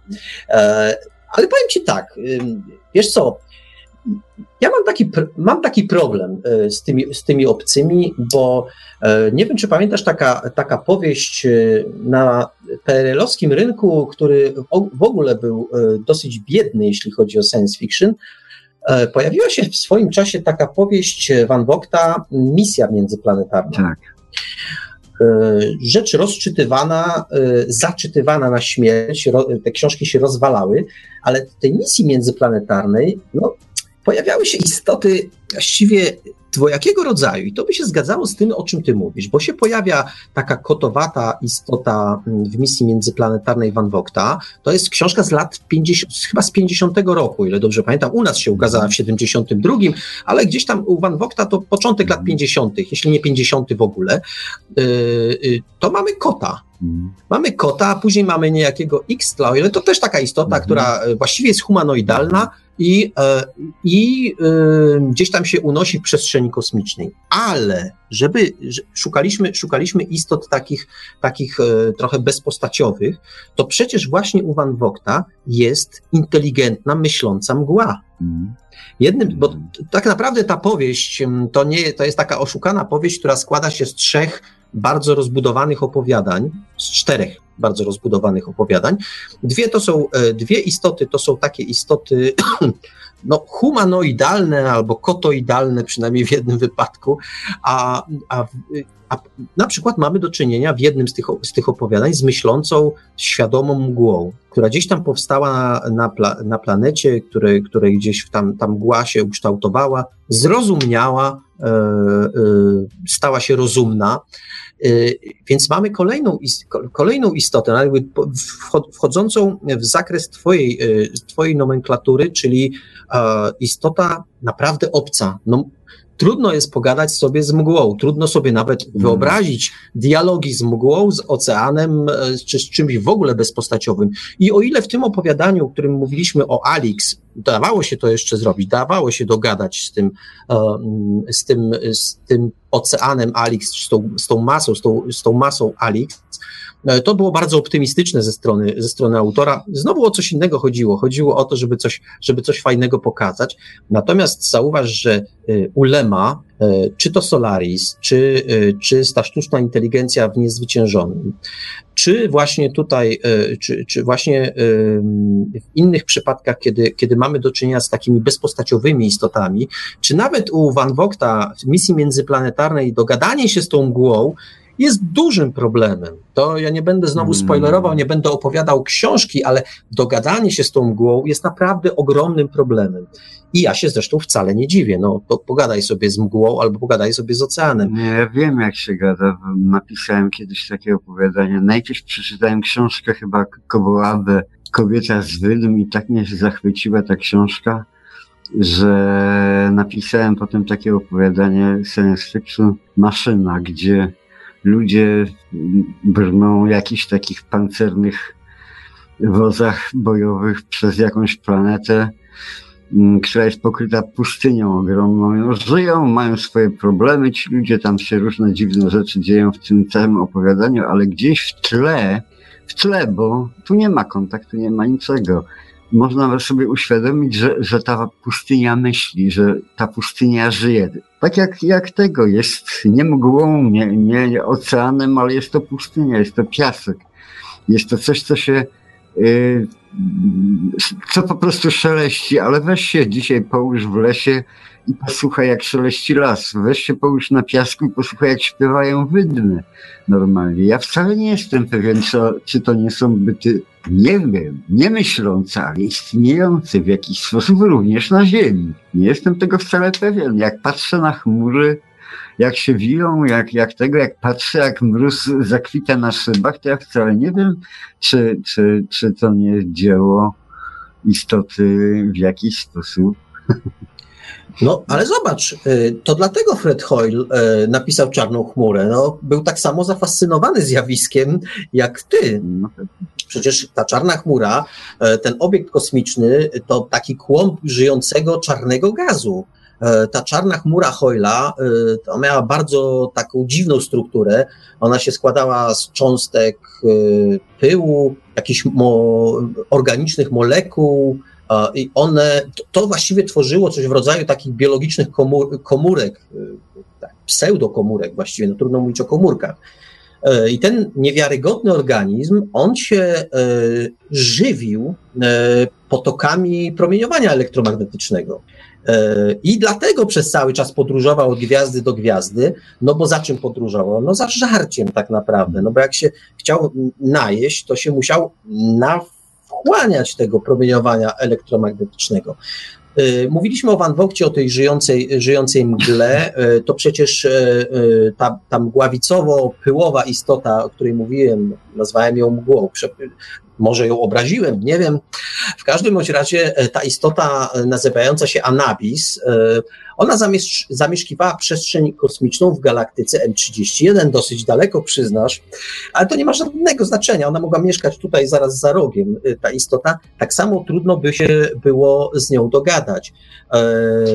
Mam, mam takie na marginesie tej audycji, ale takie skojarzenie, że tak powiem. Miałem, tak mówiłeś o tej mgławicowości, pyłowatości, a przedtem galaretowości, ale zwróć uwagę, dla istoty, która na przykład posługuje się wzrokiem e, w paśmie, że tak powiem, promieniowania rentgenowskiego, to my jesteśmy czymś takim galaretowatym, chmurowatym, że tak powiem, e, obrzydliwym. Okay. Zgoda, jak najbardziej. Pełna zgoda. Ja coś jeszcze powiem, to jest dosyć ciekawe w tej historii Van Gogha. E, warto, warto to sobie zapamiętać, bo być może my e, jakby jesteśmy w podobnej roli. Otóż ta, e, ta, pla, ta istota Anabis, taka mgławico, mgławicowo-pyłowa, ona mm, sztucznie utrzymywała na różnych planetach tej, tego miejsca, w którym przebywała, takie istoty, zwierzęta przypominające dinozaury. E, ona, one zabijając się nawzajem, dostarczały energii życiowej tejże, tejże mgławy. Jeżeli sobie teraz porównamy to, co się dzieje na Ziemi, no. jak my się zabijamy ochoczo i z dużym... To ciekawe, kogo my wspomagamy. Kogo my wspomagamy, jaką istotę mgław, mgławicowo-pyłową wspomagamy naszą, naszą energią, którą wytwarzamy w licznych i, i często zdarzających się wojnach. Warto, warto o tym pomyśleć, a jeśli już jesteśmy przy takich mgławicowych istotach e, chmurowatych, to nie tylko Fred Hoyle, ale mieliśmy jeszcze takiego zasłużonego pisarza SF, Olafa Stapletona e, i on e, napisał książkę Ostatni i pierwsi ludzie w 1000 uj, uj, uj, uciekło, w 1930 roku.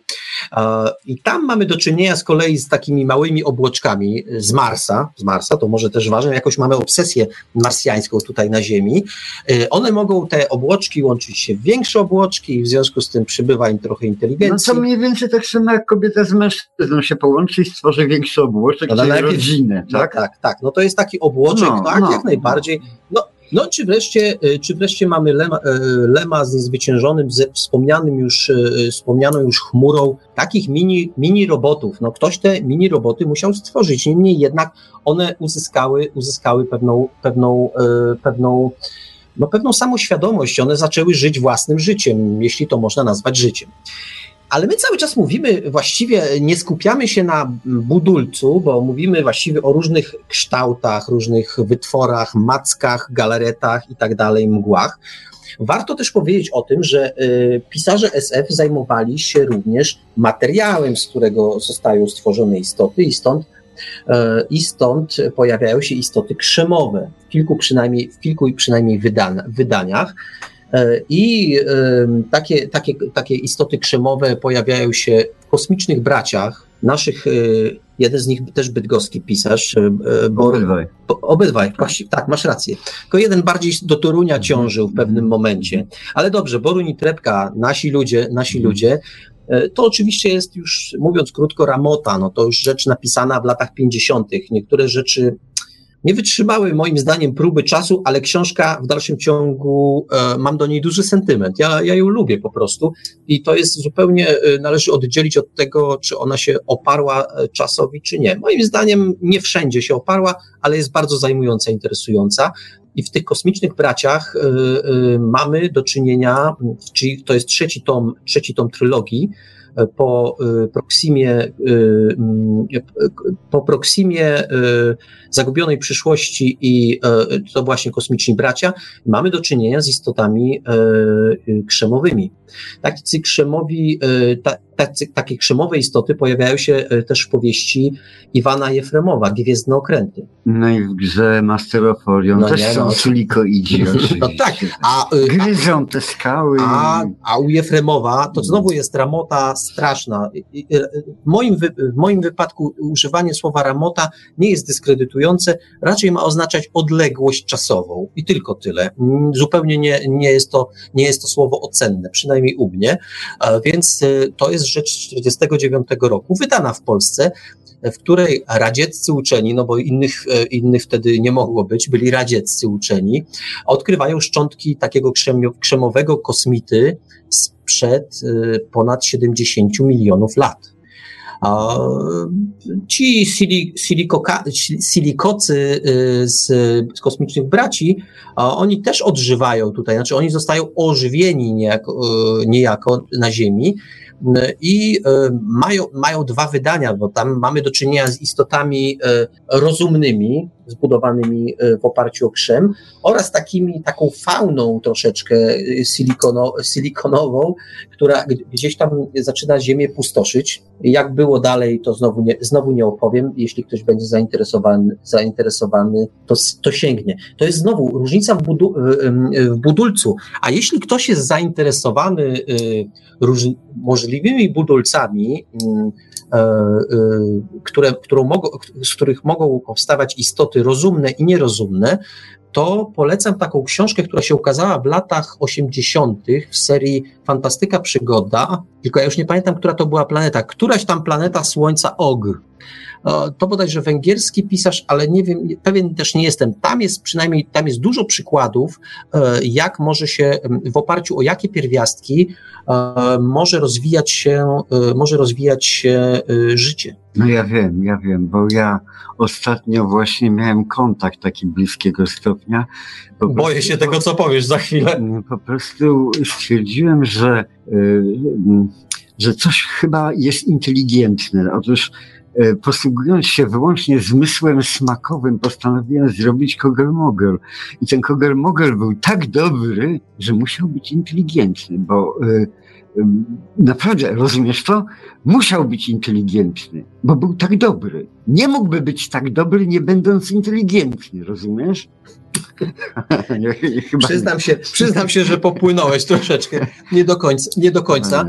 E, tu o 35 piszę o książce e, Proxima minus 1. Mówiąc szczerze, nie znam. Jakoś mhm. nie zetknąłem. E, znam książkę Proxima, właśnie Borunia i Trepki. To zacna, stara literatura tak jak powiedziałem, nie do końca wszędzie się tak, oparła znakom czasu, ale, ale, ale literatura Jak przednia. kobieta. Natomiast, natomiast tej książki Proxima minus jeden nie kojarzę, ale być może to jest moja strata. Tu, tu przyznaję, że no, ciężko, ciężko, yy, yy, ciężko, ciężko jest yy, jakby wszystkie książki znać. E, bardzo dziękuję szydercy, że, że ten Żelkowski coraz bardziej przekonuje. Mam nadzieję, że to do mnie.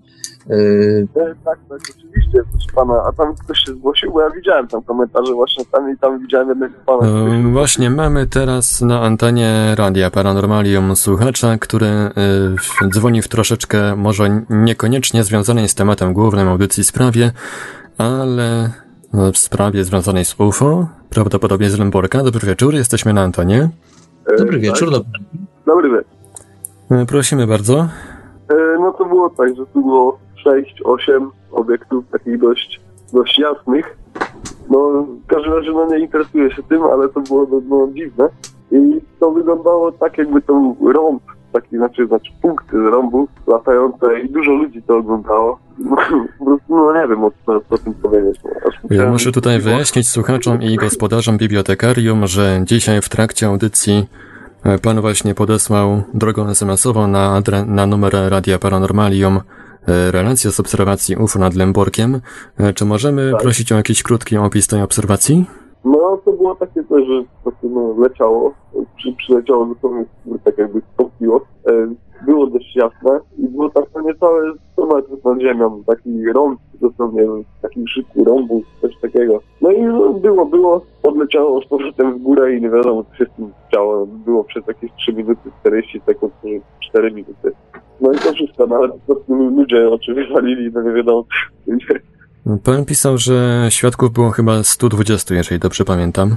Tak, i to była masa, masa ludzi była. Hmm. Czy ktoś może, czy ktoś rejestrował tam ze świadków e, ten pojawienie się tego obiektu? Słucham? Czy, w, czy pojawienie się tego obiektu było rejestrowane przez, e, przez któryś ze świadków? E, tak, tak, tam byli ludzie stali z kamerami. Ja dzwoniłem, próbowałem się zadzwonić się właśnie do znajomego, gdzie on jest. Powiem, że to nagrywał. No w każdym razie nie odbiera, ale w razie by e, coś takiego było, jakbym prosił o SMS-a właśnie z jakimś tam e-mailem czy coś, ja z chęcią podesłał zdjęcia i wszystko. Dobrze, w takim razie e, ja tutaj jak, jak, e, jak się już rozłączymy z anteną, to, to prześlę panu kontakty do Radia Paranormalium drogą SMS-ową. W takim razie dziękuję bardzo za relację. Będziemy się dalej kontaktować już e, poza anteną.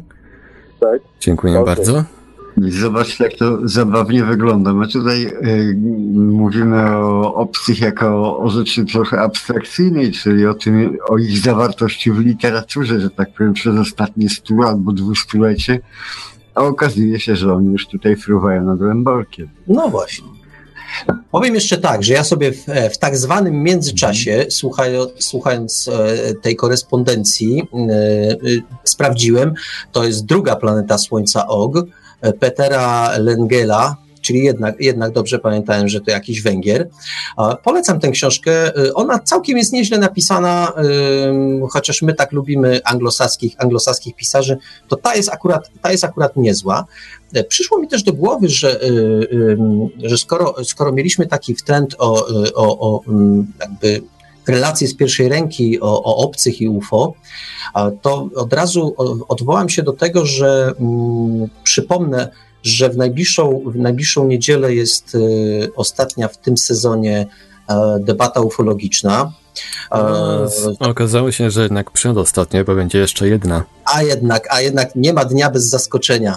To dobrze, to jest przedostatnia, to w takim razie jeszcze lepiej. E, polecam ten cykl, bo tam też o obcych sporo, sporo się mówi, a przy okazji, przy okazji polecam też e, wywiad z Piotrem Cielebiasiem, niezwykle interesujący, bo nagle się, bo się okazuje, że my mamy taką naturalną tendencję, która się gdzieś, przynajmniej spora część ludzi ma taką naturalną tendencję, przypuszczam, że ludzi, którzy się mniej interesują zjawiskiem UFO, czy, czy w ogóle istotami gdzieś skądś tam, mają taką, ci ludzie tendencję do kojarzenia UFO z, właśnie z przybyszami z kosmosu. Wywiad z Piotrem Cielebiasiem, który znajduje się między innymi na bibliotekarium, czy to na, czy to na YouTubie, na kanale YouTube, czy też można to znaleźć na stronie bibliotekarium.pl. Wywiad z Piotrem Cielebiasiem pokazuje, że takie jednostronne patrzenie na to, że UFO to są obcy, którzy przylatują gdzieś z czeluści wszechświata, no to jest zawężanie problemu, że to może wyglądać zupełnie inaczej. E, ja tego nie przekażę ani nie powiem tak, e, tak barwnie, ani tak przekonująco jak Piotr, dlatego polecam, e, polecam, polecam wywiad, bo Piotr, badając ten temat od bardzo dawna, ma sporo przemyśleń, które, z którymi warto się zapoznać.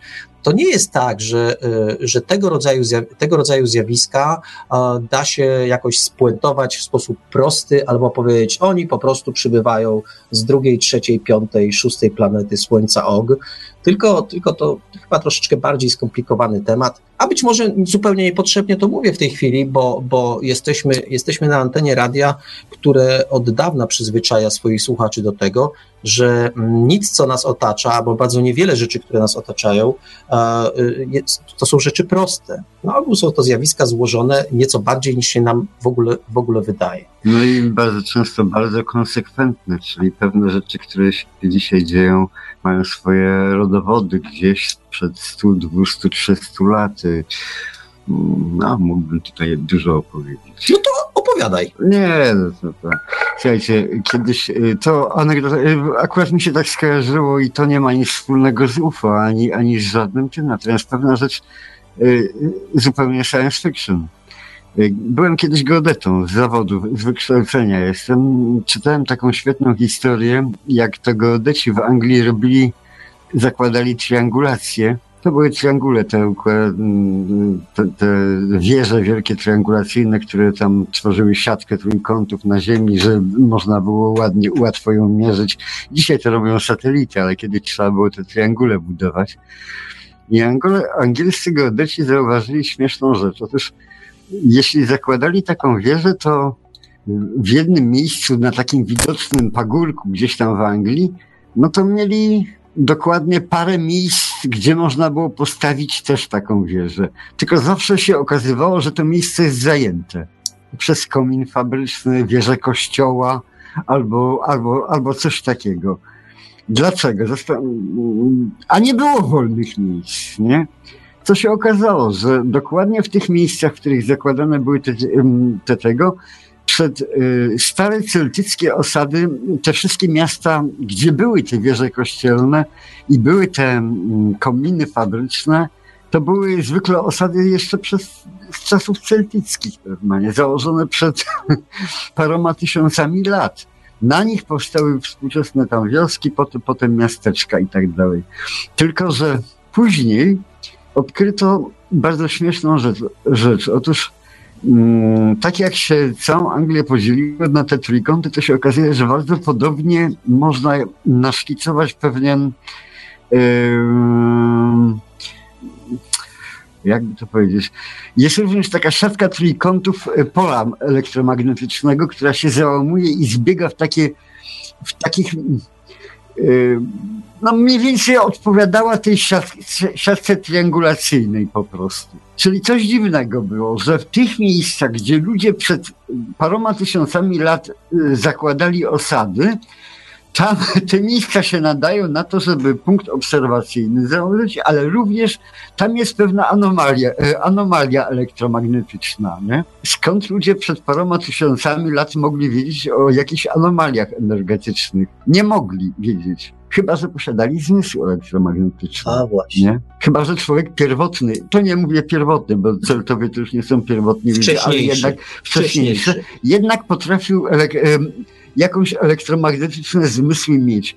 I to, co odkryli wtedy geodeci, i tam to ja bym mógł długo opowiadać, to są niesamowite zupełnie rzeczy, zdarzenia, które wtedy się działy Y, kiedy jak archeolodzy się włączyli do roboty w tym, w tym momencie, co ewidentnie świadczy o tym, że człowiek jeszcze niedawno posiadał bardzo rozwinięty zmysł elektromagnetyczny. I w tym momencie postrzeganie świata, obserwacja, nie wiem, zmysłów, dusz, może również obcych, nie? Byłoby zupełnie Była zupełnie inne, inne zupełnie niż inne, dzisiaj. Oczywiście. Więc dzisiaj jesteśmy ślepi i głusi, posiadamy tylko smak, oczy, no i, i Google'a, nie? Szósty zmysł. Szósty zmysł. Tak. Brawo. Ja tylko śpieszę jeszcze nawiązać do, e, do, e, do czatu, który sobie obserwuję. Bardzo dziękuję Szydercy za miłe słowa. Szczerze zobowiązany.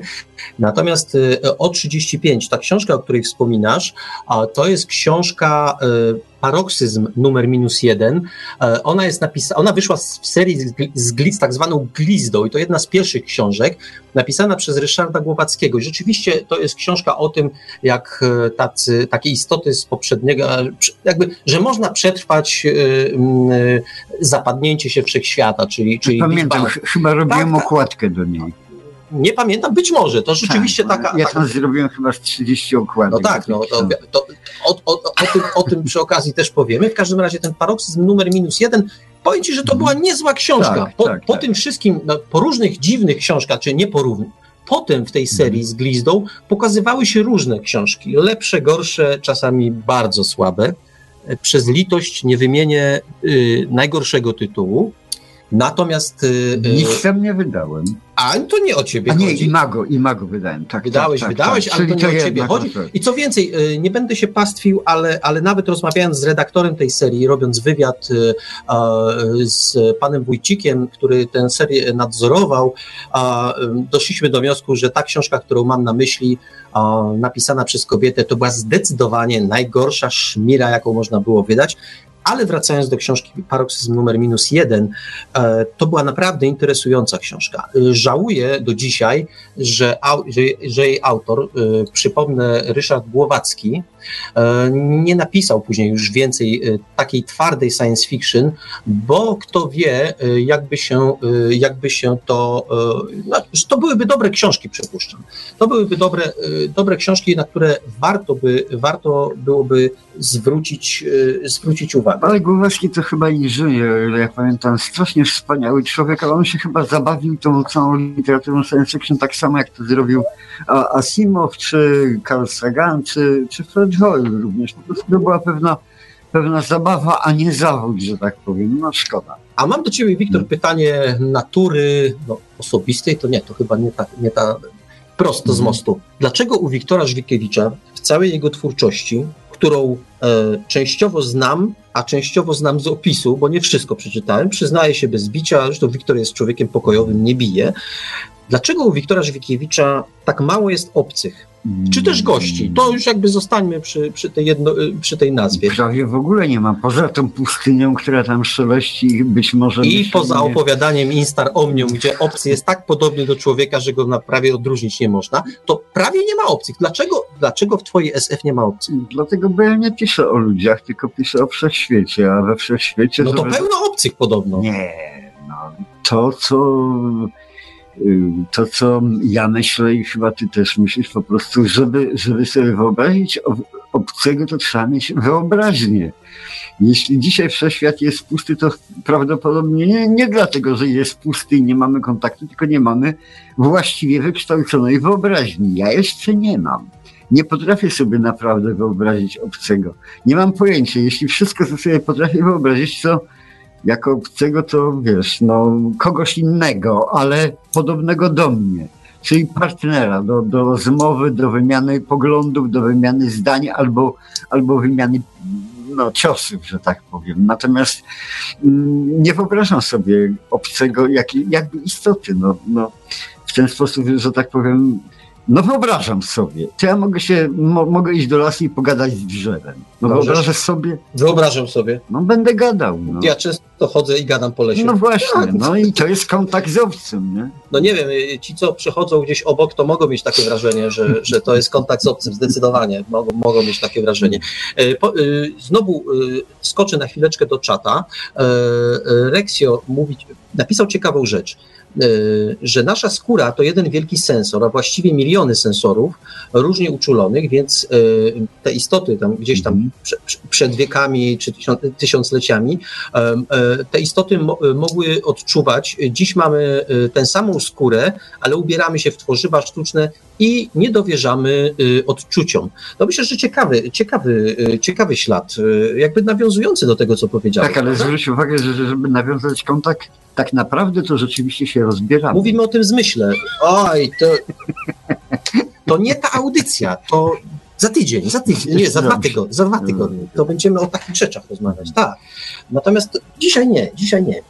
Dobra, mam do ciebie, zadałem ci pytanie, dlaczego u ciebie nie ma obcych, a teraz mam pytanie trudniejsze. Powiedz mi, jeśli wiesz, mhm. dlaczego tak dużo obcych u innych autorów? No bo oni nie piszą science fiction, tylko piszą literaturę współczesną, o, o, o sprawach bytowych, życiowych, o problemach mężczyzn i kobiet. Ubierają tego obcego w, w spódniczkę, no i, i wtedy mają rzeczywiście pole do nawiązywania kontaktu perfektu, po prostu, bo nie, nie może istnieć kontakt przecież mm, między tymi dwiema, dwoma gatunkami istot. No i, i tak dalej. To, obcy to są fajną, fajną rzeczą, taką, taką cywilizacyjną, no bo fajne historie można napisać, fajne, fajne mm, rzeczy. Natomiast ja y, nie mówię, że ja nie wierzę w obcych. Natomiast opisać tego sobie nie, nie będę zawracał głowy ludzi, ludziom. Ja piszę, starałem się zawsze pisać o czymś, czego, czego, czego nie rozumiem i nie jestem w stanie zrozumieć, ale na tym polega moje sens. A, a, pisanie o tych, o, o facetach, którzy machają tymi yy, mieczami świetlnymi mieczami, to, to, że tak powiem, to mnie zupełnie nie bawiło. No, no i nie, właśnie się naraziłeś. To nie jest sens Właśnie się naraziłeś bo są, są y, znam kilku zagorzałych fanów Gwiezdnych Wojen. I słusznie, sam, się, i słusznie. sam się może nie zaliczam, ale lubię, lubię, bardzo lubię sobie pooglądać. Ale ponieważ nasze bibliotekarium zamieniło się na chwilę, e, na chwilę w mini wywiad z Wiktorem Żywkiewiczem, to pociągnijmy jeszcze, pociągnijmy przez chwilę. Ale to ja, to ja może do, do, do, dokończę o jednej rzeczy. Jak Dokończ. ja widzę obcych, bo chyba kiedyś jadąc samochodem chyba do, do gdzieś tam, myśmy razem ułożyli y, taki, mieliśmy pomysł na opowiadanie science fiction, po prostu, na powieść całą, całą science fiction. A pomysł był bardzo, nie zrealizujemy go, więc możemy sobie wywalić na, na, na forum. Nie, no co więcej, my jakby mm. dajemy na tacy. Jeżeli tak. ktoś chce skorzystać, otóż, proszę się poczęstować. Otóż jest, jest, jest tak jak, jak, jakoś coś takiego, wszystkie planety Układu Słonecznego są skolonizowane, żyjemy, jesteśmy cywilizacją kosmiczną, latamy statkami. Wszystko, w ramach tej bliskiego kosmosu, bliskiego, Wszystko jest fajnie, nie? I tak sobie żyjemy, jest, jest tak jak, jak to w tych e, opowiadaniach science fiction jest, nie? No i tak ktoś z takiego dalszego zasięgu, jakiś e, z, z, tych patroli, które penetrują ten wszechświat tam, gdzie jeszcze nie sięgamy wszyscy, zauważa jakieś dziwne zjawisko. To znaczy, no, już dalej jadąc, skracając tego, tak, pojawiają się opcje. A co nie? więcej, dochodzi, tak. do, do, dochodzi do jakichś utarczek, do jakichś tak, starć. Tak. Raz te starcia przegrywamy. Tak. E, obcy nas e, orzą po jakichś tam planetoidach, rozbijają nasze statki. Innym razem e, wygrywamy te starcia, rozbijamy w pył.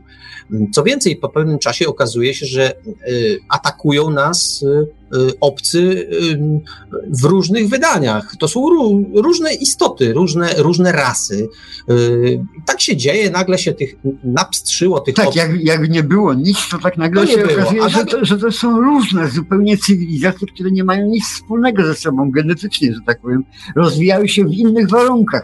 Ale co one tu robią, tak, że tak powiem, równocześnie? No nie? właśnie. I, i, i zapowiada, zapowiada się, przynajmniej na razie, że to taka powieść, która będzie łupaniną kosmiczną. I chcieliśmy każdy, to jako space operę. To, tak, tak, to miała być, miała mieć mhm. wszelkie cechy space opery, ale e, puenta, a właściwie hmm, trudno nazwać puentą, takie podsumowanie, Nie, tak, dochodzenie do, dochodzenie do, do prawdy, rzeczy, tak. skąd te istoty się mhm. wzięły i co te cywilizacje tutaj robiły, no to oddaję tobie. Powiedz to, powiedz to co należy. Po prostu przynajmniej jedną z teorii tego, tych, tych pojawienia się tych cywilizacji w okolicy e, Układu Słonecznego jest teoria kogoś, nie? Z tej powieści, bo to nie wiadomo, czy to jest prawda, czy to jest prawda. On mówi... Ale znajduje na tak, to potwierdzenia. Znajduje potwierdzenia i tak dalej. Że to są, tak, my mamy kontakt z obcymi cywilizacjami, ale tak naprawdę nie mamy kontaktu z prawdziwym obcym, tak. nie?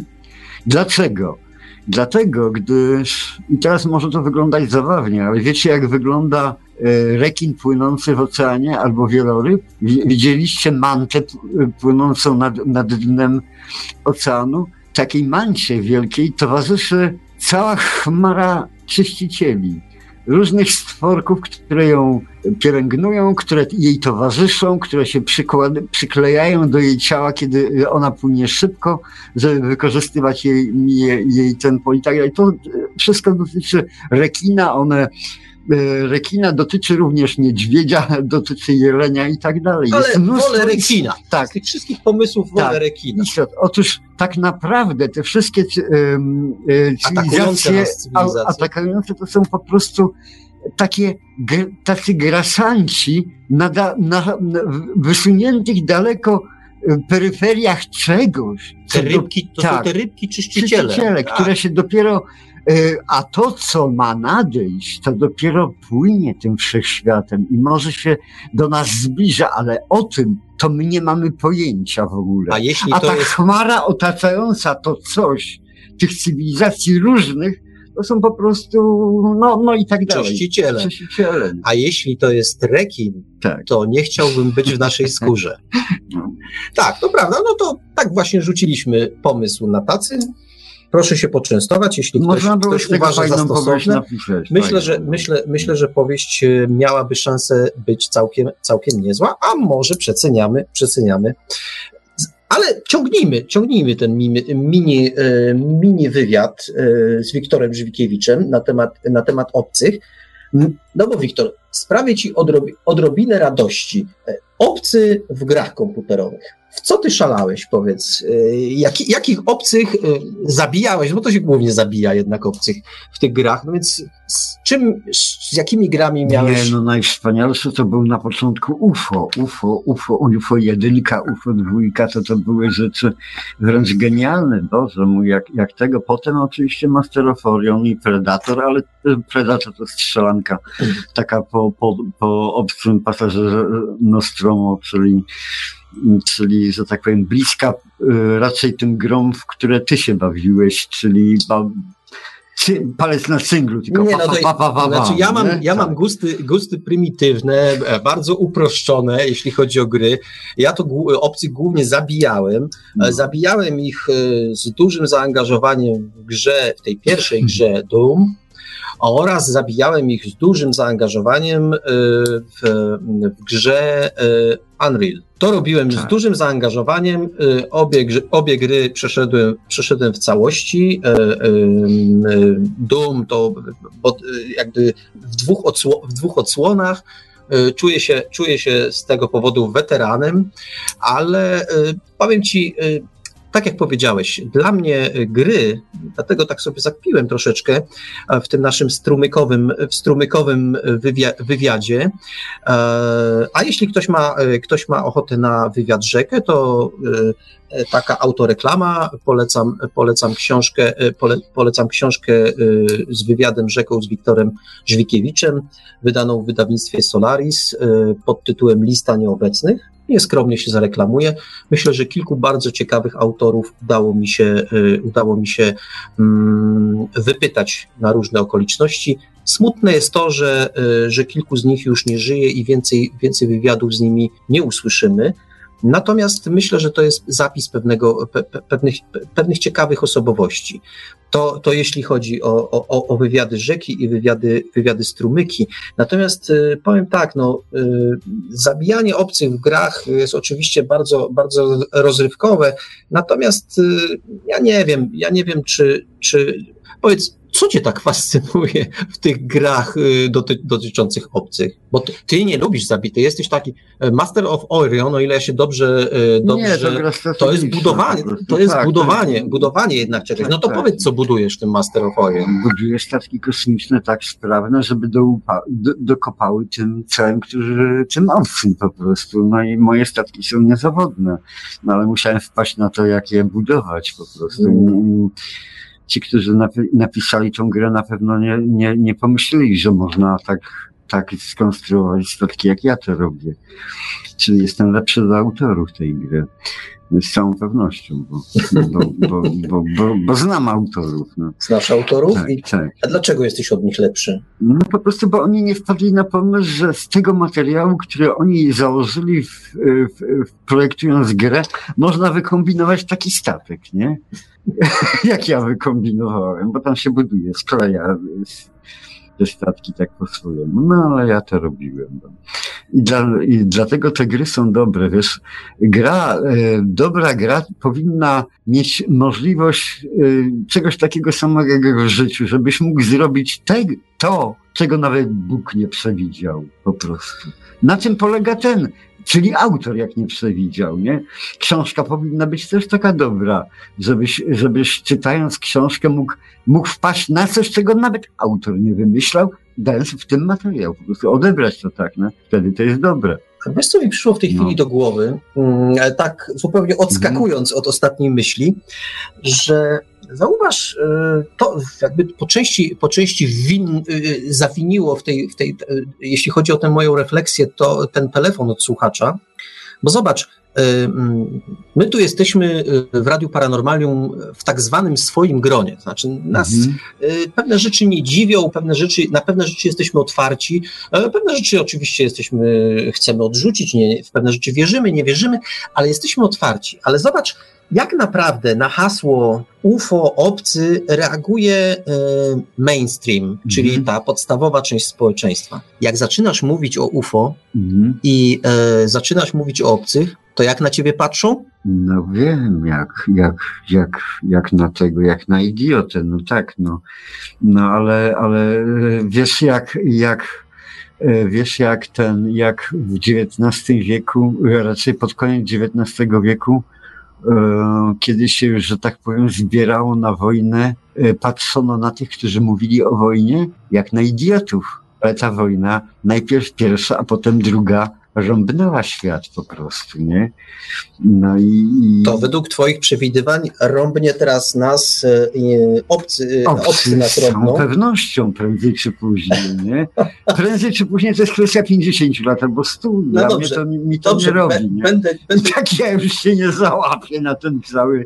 No, no to, to się, jak ty taką perspektywę dajesz, to i ja się nie załapię. W każdym razie no. powiem ci tak, ale wiesz co, zdajesz sobie sprawę mm, z tego, że, że w gruncie rzeczy Mm, są dwie koncepcje spotkania z obcymi. E, Hollywood e, i, i spora część pisarzy amerykańskich mm. preferuje koncepcję, e, koncepcję odległą od tego, co, mm. za, co, co zaproponował Sagan, Carl mhm. Sagan, e, czyli takiego kontaktu, że się kontaktujemy, mhm. wymieniamy pewne informacje. No obcy czasami dochodzą do wniosku, że nie chcą się z nami kontaktować, ale to wszystko odbywa się pokojowo i okej, okay, no na razie nie dorośliście, no więc nie chcemy z wami, ale może kiedyś.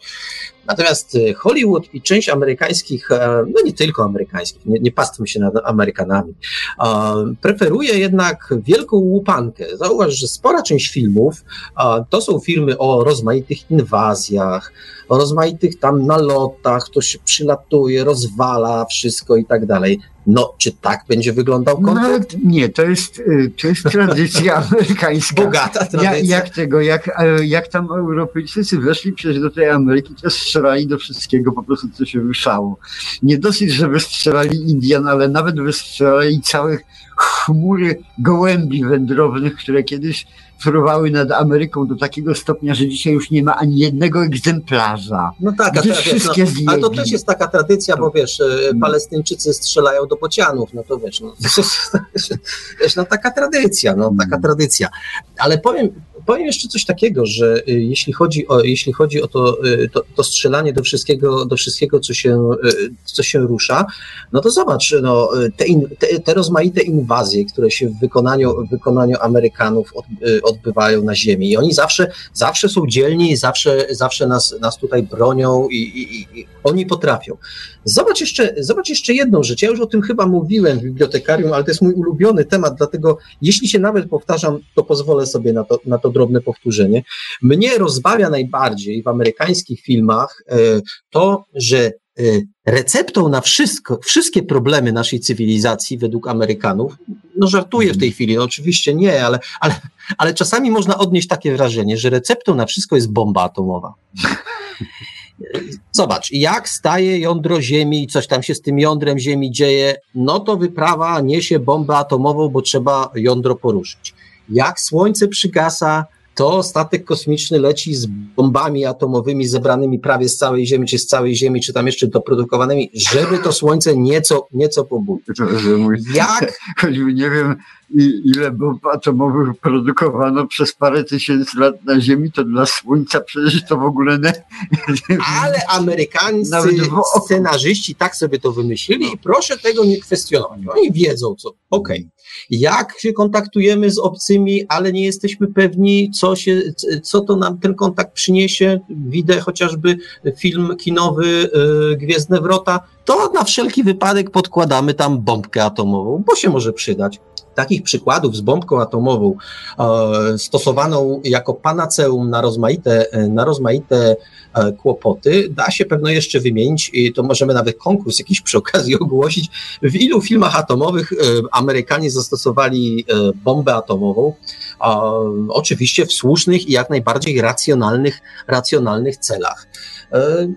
Taka, taka specyfika amerykań, amerykańska. Ale powiedz mi, wiesz co, po tego pytania ci nie zadałem, a skoro już mamy dzisiaj y, wywiad strumyczek z Wiktorem Żwikiewiczem, bardzo mi się to sformułowanie z czata podoba, e, więc, y, y, więc zapytam, Oczywiście bujamy absolutnie w obłokach i, i, i nic nie możesz wiedzieć, ale możesz przypuszczać. To jak będzie wyglądał kontakt? Będziemy pójdziemy na zwarcie z obcymi, czy też oni przyjdą i będą nam głosić e, mądrość, powszechne, powszechne szczęście, dobrobyt i tak dalej. Czy też w ogóle nas mówiąc krótko e, i nieparlamentarnie dochodzi 22, więc sobie mogę pozwolić, po prostu nas oleją. Nie, ja mm, jestem absolutnie pewien, że nie będziemy o tym w ogóle wiedzieć że taki kontakt zaistniał. Czyli będzie stan mniej więcej taki, jaki w tej chwili jest. Czyli -hmm ja wcale nie wiem, czy tego kontaktu nie ma dzisiaj. Nie wiem. Ja tego nie wiem. No są tacy, którzy uważają, że już zostaliśmy podbici i to dawno. Ja nie uważam, ale nie wiem tego. Są, po prostu być może tak. No, no. Są tacy, którzy mówią, że już dawno nas podbili reptilianie. Są co prawda, są co prawda wątpliwości, skąd ci reptilianie pochodzą, czy oni tu przybyli z zewnątrz, czy oni może e, się byli wyhodowali na Ziemi przed naszą rasą. Niemniej są tacy, którzy twierdzą, że, e, że reptilianie absolutnie nas opanowali. Tak, ale ja pamiętam, że to w tej, w tej serii tych gier e, Heroes and Magic tam też jakieś te jaszczurkowate reptilianie byli. To chyba stąd się, stąd oni nas zaatakowali z tych Skąd? No z tych, z Herosów and Magic. Nie, reptilianie byli wcześniej, nie? tak, tam Aha. się wy, tego, tam, może tam też się wy, wykształcili, reptilianie są wszędzie i nam zagrażają. Nie, nie, ale to oczywiście, to oczywiście żarty. Natomiast y, powiem tak, że była też taka, y, była, było też takie opowiadanie y, w swoim czasie, a ono się ukazało, ono się ukazało w takim zbiorze w stronę czwartego wymiaru. E, nazywało się to, e, nosiło tytuł Impuls, e, napisane było przez Erika tak, Franka tak, Russella mhm. i to okazało się w tym mhm. opowiadaniu, że próbę inwazji podjęły istoty, które miały jednostkowy wymiar gdzieś na poziomie mikroba. One też działały wspólnie, trochę jak te, jak te mrówki albo jakieś takie, były, były, były świadomością zbiorową.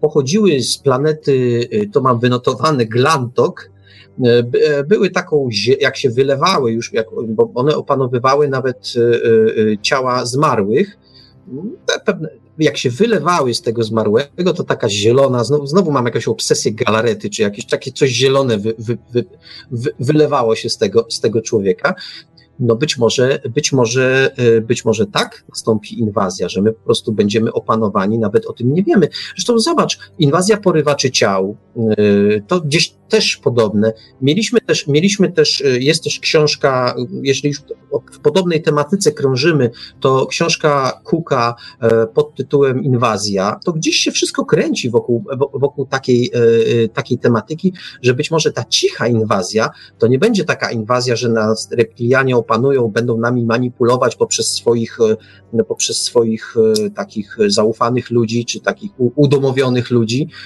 tylko być może to będzie zupełnie inny rodzaj inwazji, tak jak przed, taki rodzaj inwazji, o którym, o którym już mówiłem przed chwilą. Ta cicha inwazja, e, ja ostatnio z takim moim lekarzem, przyjacielem Marcinem Richterem, który mi serce naprawił parę razy, mam nadzieję, że jeszcze skutecznie na rok albo dwa, ten rozmawiałem i, i jak wygląda e, współczesna wa walka przez ostatnie dziesiątki lat z medycyną, z mikrobami i tak dalej. Przecież to jest dokładnie scenariusz do filmu science fiction i tak dalej. Ta medycyna walczy, wytwarza coraz to nowe środki, a te mikroby dalej swoje robią e, jak chcą. E, to, co się dzieje, że tak powiem, ja zapytałem Marcina Richtera, co uważa, że człowiek y, parę tysiąc lat temu był zdrowszy, był bardziej chory, czym, czym jesteśmy zdrowsi dzisiaj od takiego człowieka z neolitu. Chwilę pomyślał i mówi, nie wie, nie jest pewien wcale tego. Ale następnie jeszcze drugi mój lekarz przyjaciel zajrzał do książki medycznej z, y, z I wojny światowej pod hasło zawał serca. Okazuje się, że to było, tam jest termin to jest choroba wieku starczego, na którą się umiera. Starzy ludzie umierają na zawał serca. Koniec, kropka. Mówię to Marcinowi Richterowi. On sprawdził w internecie, mówi, słuchaj, aktualne doniesienia. W Niemczech zmarło na zawał serca kilku, kilkunastoletnich chłopców. Co? Dzieci nigdy na świecie nie umierały na zawał serca.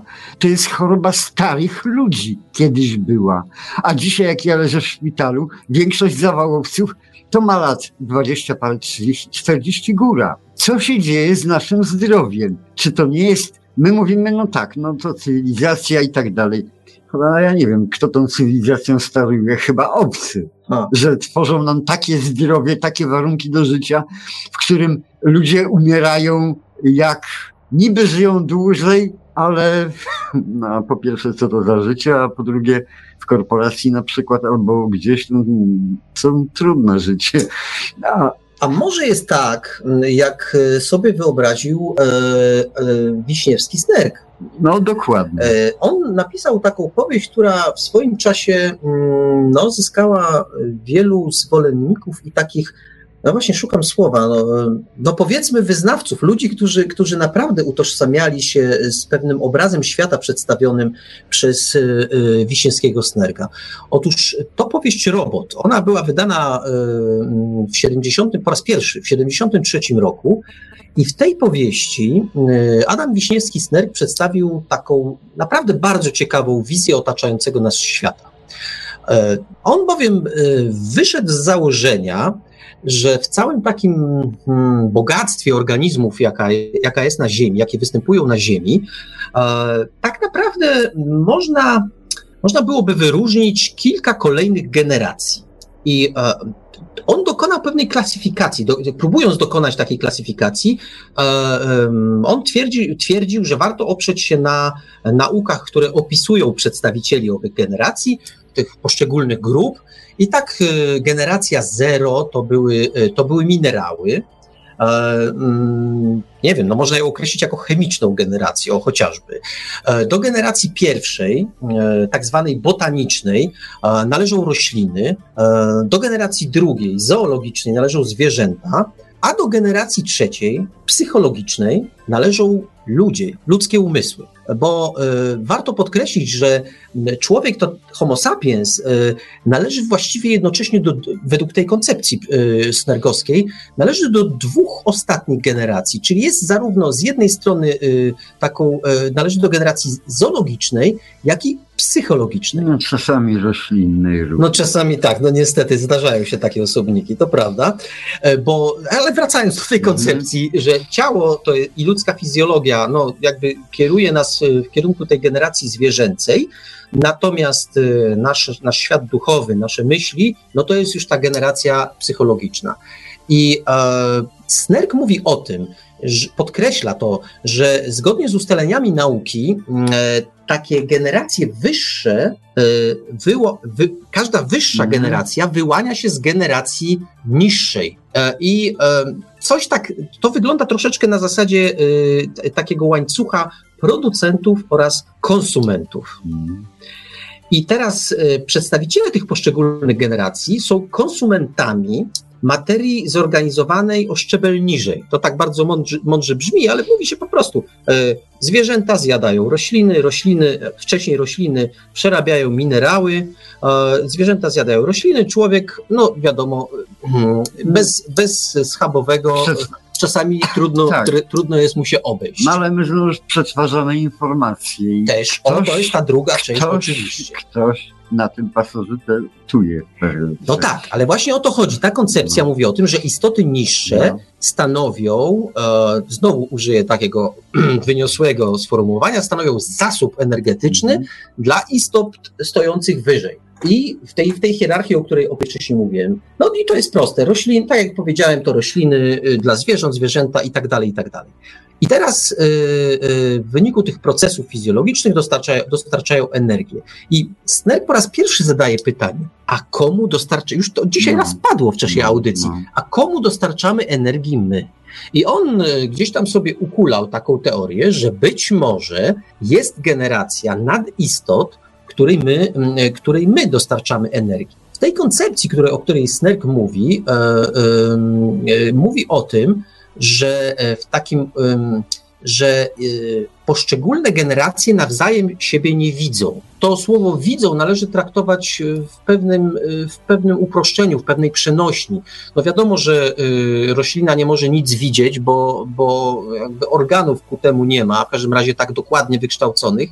Chodzi bardziej o dostrzeganie obecności. Uświadomienie, uświadomienie sobie tej obecności. Tak. Dokładnie tak, dokładnie tak jak mówisz.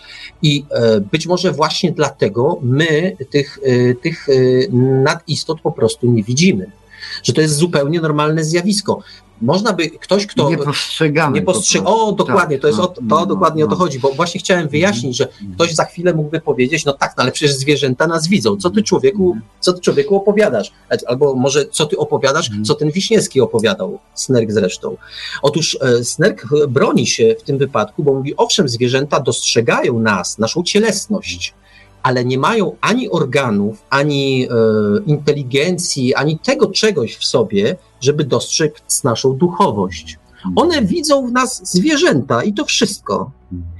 A e, co my widzimy? Być może zjawiska z naszego świata, które my widzimy, postrzegamy jako coś zwykłego, tak jak zwierzęta postrzegają nas ludzi, e, postrzegają nas ludzi jako takie inne troszeczkę zwierzęta, to być może my jakieś zjawiska naszego świata również postrzegamy, tylko nie widzimy w nich tego czegoś, co one mają więcej niż my. My mamy inteligencję w stosunku do zwierząt. Co mają nad istoty w stosunku do nas, to już e, tego Wiśniewski Snerk tak do końca, do końca nie wyjaśnia. No, stawia pewną tezę tak, w, w, tym, w tym robocie, natomiast co z tego wynika dzisiaj, do dzisiejszej audycji, to jest to, że cholera jasne, jeśli mówimy o obcych, to to są dla mnie dopiero obcy. To są tacy sami obcy jak my. Jesteśmy dla tego kurczaka, e, który, mhm. którego przemysł nam w miliardach zupełnie egzemplarzy ym, codziennie praktycznie biorąc zażyna, żebyśmy mogli się odkarmić w KFC albo gdziekolwiek, gdzie lepiej. A w KFC mi najlepiej smakuje. Ale co Mhm. jest dosyć ważne w tej koncepcji No. e, Wiśniewskiego Snerga, bo on mówi jeszcze o jednej rzeczy, że owszem mogło być tak, że te tak zwane nadistoty, one powstały tu na Ziemi. My ich po prostu nie dostrzegamy, ale właśnie on pisze też o tym, że nadistoty, czyli ta wyższa generacja, mogły powstać również poza Ziemią, gdzieś w głębi kosmosu. I co z tego, że one tam powstały? My ich po prostu nie jesteśmy w stanie dostrzec. I być może y, my na co dzień patrzymy na jakieś przejawy owej inteligencji, szeroko pojętej, tu musielibyśmy to zaznaczyć, ale my po prostu tego nie widzimy. Nie, nie w sensie bo- fizycznym, nie w sensie fizycznym. My dostrzegamy jakieś przejawy, ale my po prostu e, nie dostrzegamy tego, czego zwierzęta nie dostrzegają u nas Nie- przez analogię. Nie używaj słów, które właśnie są nie tego. Nie dostrzegamy tej inteligencji. Tu już nie chodzi o inteligencję. Zgoda, mój. Inteligencja jest naszą cechą, Tak, no, a ta się, nadistota. pozwól, że walnę się w No, pierś no, tak no. Mocno. Właśnie popełniłem błąd, Tak, to ta prawda. Rzeczywiście, tego czegoś- rzeczami, tego czegoś nie dostrzegamy. Tego czegoś, nie- e, nie co, co stanowi o istocie nadistoty, no. tego po prostu nie dostrzegamy. musielibyśmy mieć sami, No tak, to, no, no ale żeby, właśnie. żeby tego.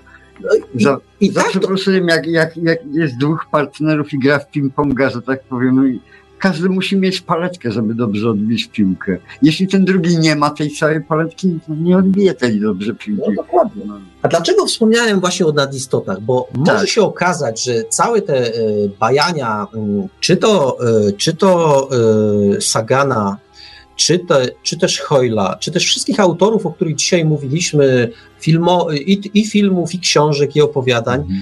Może się okazać, że e, to oczywiście świadczy doskonale o naszej e, ludzkiej wyobraźni, że my po prostu naprawdę, jak już coś wymyślimy, to wymyślimy, ale może się okazać, że e, tak naprawdę szukamy czegoś, czego po prostu znaleźć nie możemy, Mhm. bo to jest poza zasięgiem naszej percepcji. I zwróć uwagę, że dla normalnego człowieka, który żyje na Ziemi, gwiazdy i wszechświat istnieją, ale kwanty już nie. No dokładnie. A może ten, e, może ten rekin z naszej, z naszej nienapisanej powieści, to jest właśnie ta To nadistota. To jest właśnie ta to. nadistota, która, która nadciąga i to myślę, warto, warto, o czymś takim, warto, warto o czymś takim pomyśleć, bo my y, przyzwyczajeni przez y, masową kulturę, przez kulturę popularną, e, jakby łykamy podświadomie, a czasami dajemy się wciągnąć w taką papkę, że obcy to są, tak jak już na początku mówiliśmy, albo są obcy, albo są goście, albo oni mają y, macki, albo mają jakieś łapska, albo są, ziele, albo są koloru zielonego, albo szarego, albo są tacy, albo inni. I jakby idziemy tym torem i czasami, y, czasami to, jest ciekawe, to po prostu, to po prostu y, jak jest dobrze napisane, to warto przeczytać, bo, bo to są po prostu świetne historie, ale może się też okazać, tak jak już powtórzę to po raz kolejny, że y, szukamy obcych nadistot, tego czegoś, czego być może szukamy, zupełnie nie tam, gdzie trzeba. Że y, my tak łatwo tłumaczymy sobie UFO, y, zjawisko UFO, czy też wcześniejsza, no nie wcześniejsza nazwa, ale latające talerzy, ta taka bardzo, taka już dzisiaj właściwie passé nazwa, to my tam gdzieś tam y, w swoim czasie dopatrywaliśmy się tych, tych szaraków, jakieś to, że to wszystko gdzieś z kosmosu przylatuje i tak dalej a być może y, rzeczywistość wygląda troszkę inaczej. I tu znowu y, odeślę troszeczkę do, do, do tej rozmowy z Piotrem Cielebiasiem na bibliotekarium, że być może y, nie szukajmy szaraków w UFO. Być może UFO to jest zjawisko, które jest przejawem czegoś, czegoś dziwnego, czego nie jesteśmy w stanie zrozumieć. I oczywiście e, będziemy e, toczyć kolejne debaty ufologiczne, bo temat jest pasjonujący, ale pytanie, czy my w ogóle e, jesteśmy w stanie jakoś, jakoś tak postawić kropkę nad i, jeśli chodzi o te debaty ufologiczne i w ogóle o temat obcych. Ale jeżeli, tak się w tej chwili zastanowiłem, jeżeli Snerk mógł taką tezę wysnuć i jeśli my możemy dopuszczać taką możliwość, to już jest coś nie tak, bo te istoty powinny być poza zasięgiem nawet naszych, naszych, naszych domysłów. Tak naprawdę, yy, A tu świadczy, że już jednak A... nasza wyobraźnia, że tak powiem, sięga trochę, no, już ich dotyka. Tak, ale to jest bardziej idea, wiesz, bo to jest tak, że to jest troszeczkę jak, jak w filozofii, e, że my y, możemy sobie powiedzieć, założyć na chwilę, że nasz świat nie istnieje, że wszystko, co do nas dociera w sposób zmysłowy, e, to jest, to jest fikcja. To jest jakiś złośliwy demon, który nam podrzuca, podrzuca różne informacje. Co więcej, że nasz świat powstał przed minutą, bo po prostu dostaliśmy od razu, jak powstał, dostaliśmy do głowy informację, że on istnieje od milionów lat.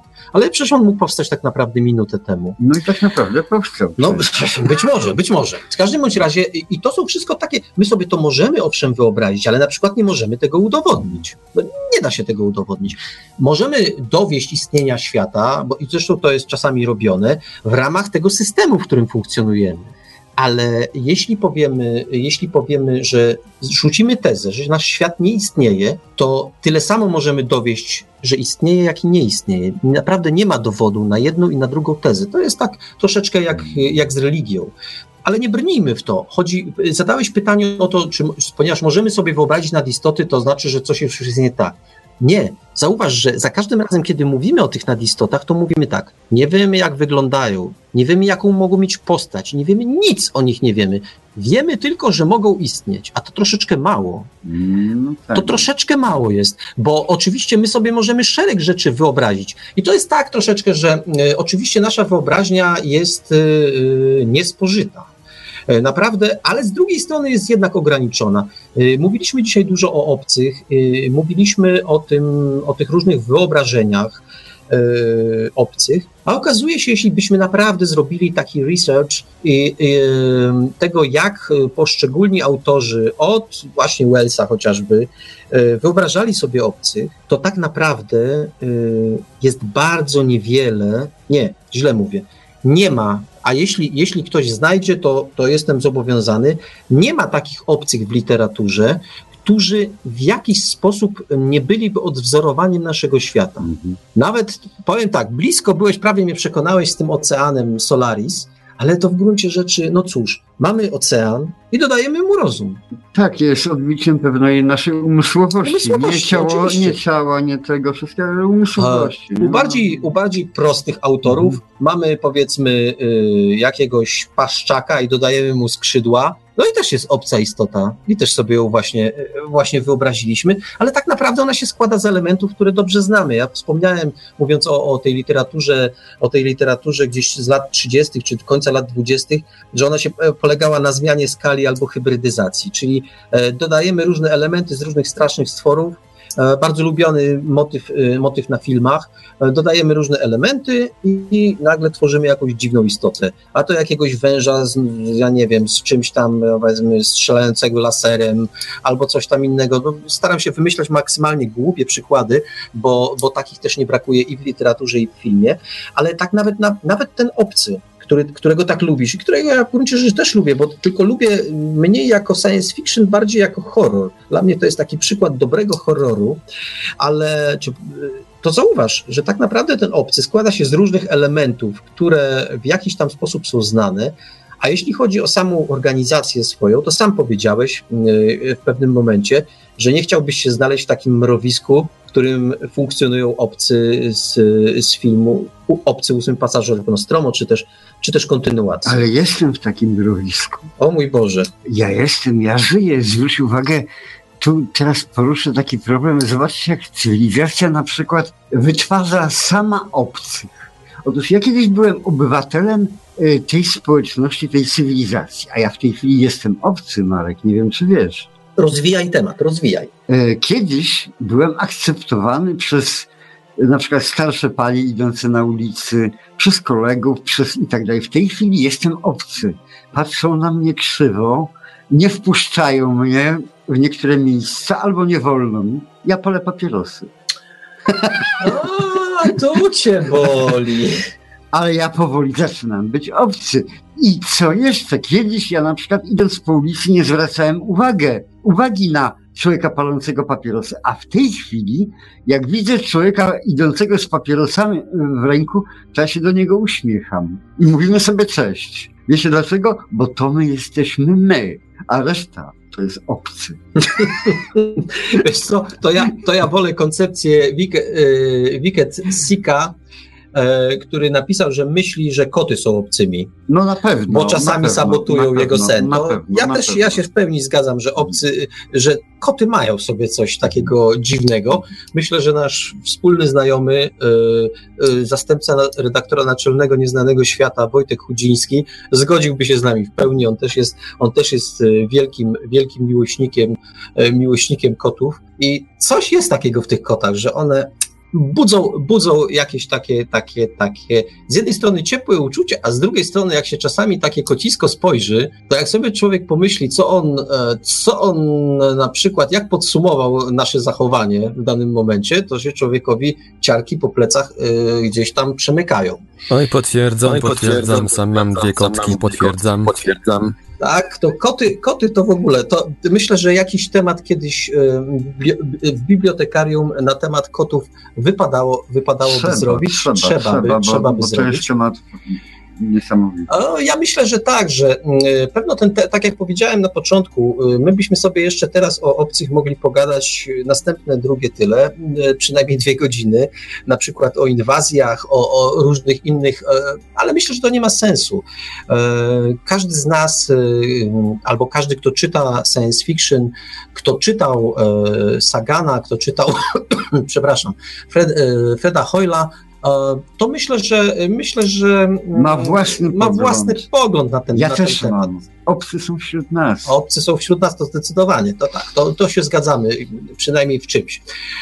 Ale myślę, że myślę, że, że pewna, mam nadzieję, bardzo się będziemy cieszyli, jeśli ta nasza, nasza audycja będzie przynajmniej w części jakąś niewielką inspiracją dla, dla własnych przemyśleń.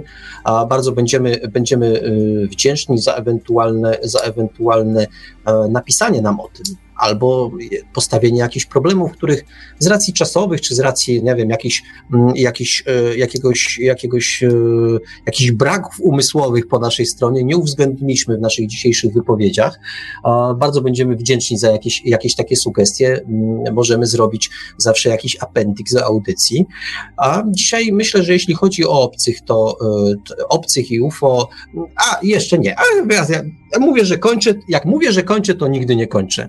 Więc powiem tak, że jeśli chodzi o samo UFO, to w literaturze pięknej jest stosunkowo mało tego motywu. UFO jako UFO. Da się znaleźć kilka zaledwie książek. To jest temat, temat tak naprawdę do pewnego stopnia unikany. Gdzieś tam we wspomnianym już dzisiaj panu samochodziku i człowieku z UFO, który później przestał być człowiekiem z UFO, te, te, to UFO to tak naprawdę jakieś pojazdy czasoprzestrzenne, które przenoszą, przenoszą w czasie. Jest jeszcze kilka innych motywów związanych, kilka innych powieści związanych z UFO, ale to nie są te pierwszoplanowe powieści tak naprawdę. W filmach, no w filmach tego jest troszeczkę więcej. UFO się chociażby pojawiało. Mówiliśmy dzisiaj o, o filmie e, Kosmos 1999, ale kiedy się skończył e, Kosmos 1999, emite, przynajmniej te odcinki które były w Studiu 2 emitowane, to pojawił się taki serial starszy, Invaders on się chyba nazywał, o takich obcych, którzy przybywali na Ziemię. Wiem, że jakiś taki demoniczny głos na początku mówił o tym, że to są obcy, że ich celem jest Ziemia i podbicie tej Ziemi i tak, tak, tak smucił ten głos. I obcy, obcy tam byli w, latających talerzach, bo to były talerze ewidentnie, ale tak naprawdę, tak naprawdę w literaturze UFO jako UFO jest stosunkowo mało, mało reprezentowane. Obcych ci tam dużo, natomiast UFO, UFO niespecjalnie. I to tyle, no, jeśli, jeśli, chodzi, jeśli chodzi o, o zjawisko obcych i UFO w książkach. W każdym, w każdym bądź razie dzisiejszy, dzisiaj, dzisiaj zaczynaliśmy od dwóch książek, od, od książki Sagana Kontakt, Moim zdaniem, jeśli chodzi o taką literacką, literacką wartość, to to jest lepsza książka od, od książki Hoyla. Nie wiem, czy bardziej inspirująca, bo tam jest jednak szereg rzeczy niedopowiedzianych. No może dobrze, że są niedopowiedziane, bo to daje też pole dla wyobraźni. Dzięki temu, że nie wszystko tam jest takie jasne, że być może, być może to, co, jak komuś się nie chce czytać, to polecam film. Film jest naprawdę niezły. Być może to, co tam przeżywa główna bohaterka, być może, być może się tak naprawdę nie zdarzyło, a może się zdarzyło, a może ci obcy nie chcą się z nami kontaktować i tak dalej, i tak dalej. To pod tym względem takim literackim, takiej, takiej wyobraźni jest znacznie lepsza, moim zdaniem, książka. Natomiast jeśli chodzi o taką fachowość, znaczy u Sagana jest to samo, tam jest dużo fizyki, dużo jakichś takich teorii związanych z fizyką, z, z kosmosem. Sporo się można w gruncie rzeczy nauczyć, wbrew pozorom. E, podobnie u Hoyla, tylko ta książka jest nieco, nieco mniej literacka ale bardzo ciekawa. To znaczy, e, to nie jest tak, że jak ja tu powiem, że ona nie jest, nie jest literacka, to w ogóle należy ją obchodzić szerokim łukiem bo ona, ten, ten brak literackości, czy może małą, mał, małą zawartość cukru w cukrze, czyli literac, literatury w literaturze, zdecydowanie nadrabia pewną koncepcję, która tam jest, no więc, która się tam e, pojawia. No więc ja ci powiem uczciwie, że ja ją, tak jak ją czytałem po rosyjsku, ona jest nudna jak flaki z olejem. Tam nie ma w ogóle dialogów, nie ma niczego, ale ja ją czytałem z fascynacją. No, zgadza się. Ona jest fascynująca, no, no ale mało literacka. No, no. To jeśli byśmy mieli, jeśli mielibyśmy, to jeśli ja bym miał polecać, jeśli ktoś lubi dobrą literaturę, to zdecydowanie Sagana. Jeśli ktoś lubi się zanurzać e, w naukowość, to obie te książki są znakomite, jeśli chodzi o. No, być może pewne, być może pewne koncepcje są już, e, bywają przestarzałe, ale to naprawdę tym książkom za bardzo, za bardzo nie, za bardzo nie szkodzi. I myślę, że jeśli chodzi o temat dzisiejszej audycji, to go przynajmniej w, e, zużyliśmy w sporej części. To tak, może tak? Jeśli, jeśli pozwolą na istoty, to może trafimy spokojnie do domu. Może trafimy spokojnie do domu. Natomiast zawsze y, y, na koniec audycji winni jesteśmy naszym szanownym słuchaczom e, jeszcze jedną informację, bo e, jeżeli nas nie porwą nad istoty w drodze do domu, to miejmy nadzieję, że mm, odbędzie się y, bibliotekarium numer 10, więc jakiś tam w końcu jubileusz mhm. dziesiątej audycji. Każda okazja jest dobra, żeby, żeby świętować. My postanowiliśmy świętować y, przy książce, tym razem już bardzo konkretnie, przy książce, y, zawsze mam kłopoty z tymi nazwiskami, Davida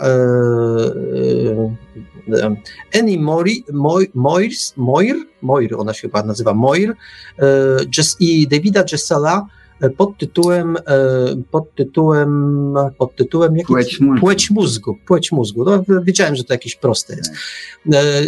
Rzecz będzie kontrowersyjna, szczególnie jeśli naszym, naszym rozmówcą, e, czy naszym rozmówcą, jeżeli rozmawiamy w tym gronie, w jakim rozmawiamy, bo Wiktor ma wyrobione opinie na temat, na temat e, różnic pomiędzy e, kobietami i mężczyznami. E, jestem zdecydowanie zwolennikiem tej kobiety, która tą książkę napisała. Współautor. Nie, nie, tej książki. nie, naprawdę. Książka jest interesująca. Coś cudownego. Ja, ja bym tylko chciał przestrzec, e, przestrzec wszystkich, którzy czytają. Nie, to nie jest przestroga, to jest tylko informacja. O, to bo używam źle wyrazów dzisiaj. E, bo e, ja mam taki przynajmniej egzemplarz, w którym pisze się, że to według najnowszych badań i tak dalej, to tutaj napisali taką książkę. No to ja informuję, e, że ta książka po raz pierwszy została wydana bodajże w 1989 roku, więc z, tej, z tą jej świeżością to nie przesadzajmy. Mm. To już nie przesadzajmy, ma ona już swoje lata, gdzieś pod y, trzydziestkę podchodzi w tej tak, chwili. Ale, ale tezy, które, tak. Y, które ona zapoczątkowała, ta książka, poszły już dużo, dużo dalej. Nie. O czym, y, o czym, o czym, że tak powiem, przeciętny człowiek nie ma pojęcia. Tak, ale, naprawdę ale, się... tak, ale zauważ, że jest jeszcze jedna rzecz, że ta książka jest absolutnie niepoprawna politycznie. Bo ona, znaczy nawet na, w początku, na początku tej książki, kiedy jest wstęp, um, autorzy e, piszą o tym, jak ona się urodziła, ta książka. No przecież, pamię jeżeli pamiętasz, urodziła się z tego, że jej autorka, współautorka, bo, bo jak o ile mamy panią Ann, to mamy pana Davida, więc współautorka była na wykładzie na którym e, e, udowadniano coś, z czym ona się nie do końca chciała zgodzić. I kiedy wystąpiła, wystąpiła z, z mową, że jej zdaniem, e, znaczy tam, tam była mowa o tym, czy kobieta może tak samo pojmować pewne, pewne, pewne pewne treści tak samo jak mężczyzna. I ona moim zdaniem zgłosiła bardzo słuszną uwagę, że y, nie rozmawiamy o tym, czy ona, czy kobieta, czy mężczyzna y, rozumieją, bo to, że rozumieją, są istotami rozumnymi, to jest oczywiste, ale czy rozumieją tak samo, i tu bez oceniania, czy lepiej, czy gorzej, ale czy rozumieją tak samo, a to już jest y, nie takie oczywiste. I znowu bez wartościowania, bez wchodzenia w ocenianie, czy ktoś jest lepszy, czy ktoś jest gorszy. Tylko samo to, samą tezę lansowaną przez, przez urocze feministki, które czasami rozbawiają mnie do łez, że jesteśmy identyczni, jesteśmy tacy sami. E, ta teza e, broniona tak, tak zajadle przez niektóre feministki wcale nie jest taka oczywista. Ja ją podsumuję w ten sposób, tak jak mawia to jeden z moich kolegów, że feminizm kończy się tam, w, takim, w takiej sytuacji, kiedy trzeba wnieść szafę na trzecie piętro. To wtedy kończy się feminizm. To oczywiście jest uproszczenie, duże uproszczenie, takie złośliwe, ale w gruncie rzeczy lansowanie tezy, że jesteśmy tacy sami tylko dlatego, że należamy, należymy do tego samego gatunku, jesteśmy po prostu różnymi płciami, że, i w związku z tym, że jesteśmy tacy sami, w świetle książki, ja nie, jakby nie mam takiej wiedzy, żeby, żeby stwierdzać coś obiektywnie, ale mogę natomiast od, odnieść się do książki, którą będzie, o której będziemy rozmawiać za dwa tygodnie, to w świetle tej książki te różnice, w świetle przykładów, które są przytaczane w tej książce, te różnice wydają się nie tylko y, frapu, one się wydają oczywiste. Tam jest to tak napisane, y, że, że po prostu nie ma o czym dyskutować. Te różnice są i one nie polegają na tym, że coś jest lepsze czy coś jest gorsze, tylko że jest inne. I myślę, że powinniśmy się do takiego, do takiego, do takiego, mm, do takiego y, punktu widzenia przyzwyczaić, a nie lansować nachalnie coś takiego, że wszyscy jesteśmy równi, wszyscy jesteśmy tacy sami i w związku z tym wszystko, wszystko, wszystko da się ujednolicić, uprościć i, i sprowadzić do jednego mianownika. Mm, tutaj y, może, może y, odnosić tamtą książkę do tego, o czym mówiliśmy dzisiaj y, o obcych, kiedy ja powiedziałem, że kiedy pojawiliśmy się my jako ludzie w świadomości tutaj Europy, otóż co to jest, kto to jest człowiek? Kto to jest człowiek? Ktoś będzie próbował się gimnastykować i tak dalej, odpowiedzieć. Otóż człowiek, człowiek nie ma takiej istoty jak Homo sapiens, według mnie. Nie ma, w ogóle nie, nie istnieje. Homo sapiens jest to pewien układ złożony z dwóch elementów, z kobiety i mężczyzny. Tylko ten układ może się reprodukować. Żadna osobno y, nie tego. To jest Homo sapiens. Homo sapiens. Homo sapiens w całości to jest kobiet, kobieta i mężczyzna, układ złożony, zdolny do reprodukcji i tak dalej, do powielania, dziedziczenia i tak dalej tego. To ten układ, a nie, yy, nie jakaś postać, która przedstawia człowieka. Takiego człowieka nie ma. Człowiekiem jest ten. I to ta książka tłumaczy bardzo dobrze. No A sprowadzając to chociażby do, do prostych przykładów, to ostatecznie y, y, na plakietce, która podążała poza Układ Słoneczny z pionierem, wyryty, wyryta była sylwetka mężczyzny i kobiety, a nie jakiegoś tam człowieka. Y, no dokładnie. Był ci obojga. Tak, dokładnie. Ale to może, wiesz, nie, nie rozgadujmy się na temat tak, książki, tak, tak, o której tak. będziemy rozmawiać za dwa tygodnie. Bardzo y, serdecznie wszystkim naszym słuchaczom dziękujemy. Polecamy się na przyszłość. Za, zapraszamy za dwa tygodnie. No i jeszcze raz. Y, y, Dużo, dużo ciekawych refleksji e, na temat obcych, na temat e, tematu dzisiejszej audycji. I jeśli, jeśli ktoś zechce, bardzo, bardzo chętnie e, poczytamy jakieś, jakieś uwagi, jakieś, jakieś sugestie dotyczące czy to tematu dzisiejszej audycji, czy też tematu, tematów jakichś takich na przyszłość, które, mm. które ewentualnie możemy uwzględnić. Chociaż zaręczam, że tych tematów gdzieś tam u nas w naszych głowach, w naszych pier- takich początkowych koncepcjach jest całkiem sporo, ale za te następne również będziemy wdzięczni. Ja, ja po tym całym temacie, po poruszaniu tych obcych i o tej myśli, obcy są wśród nas, ja wszystkim słuchaczom tej audycji życzę dobrej nocy.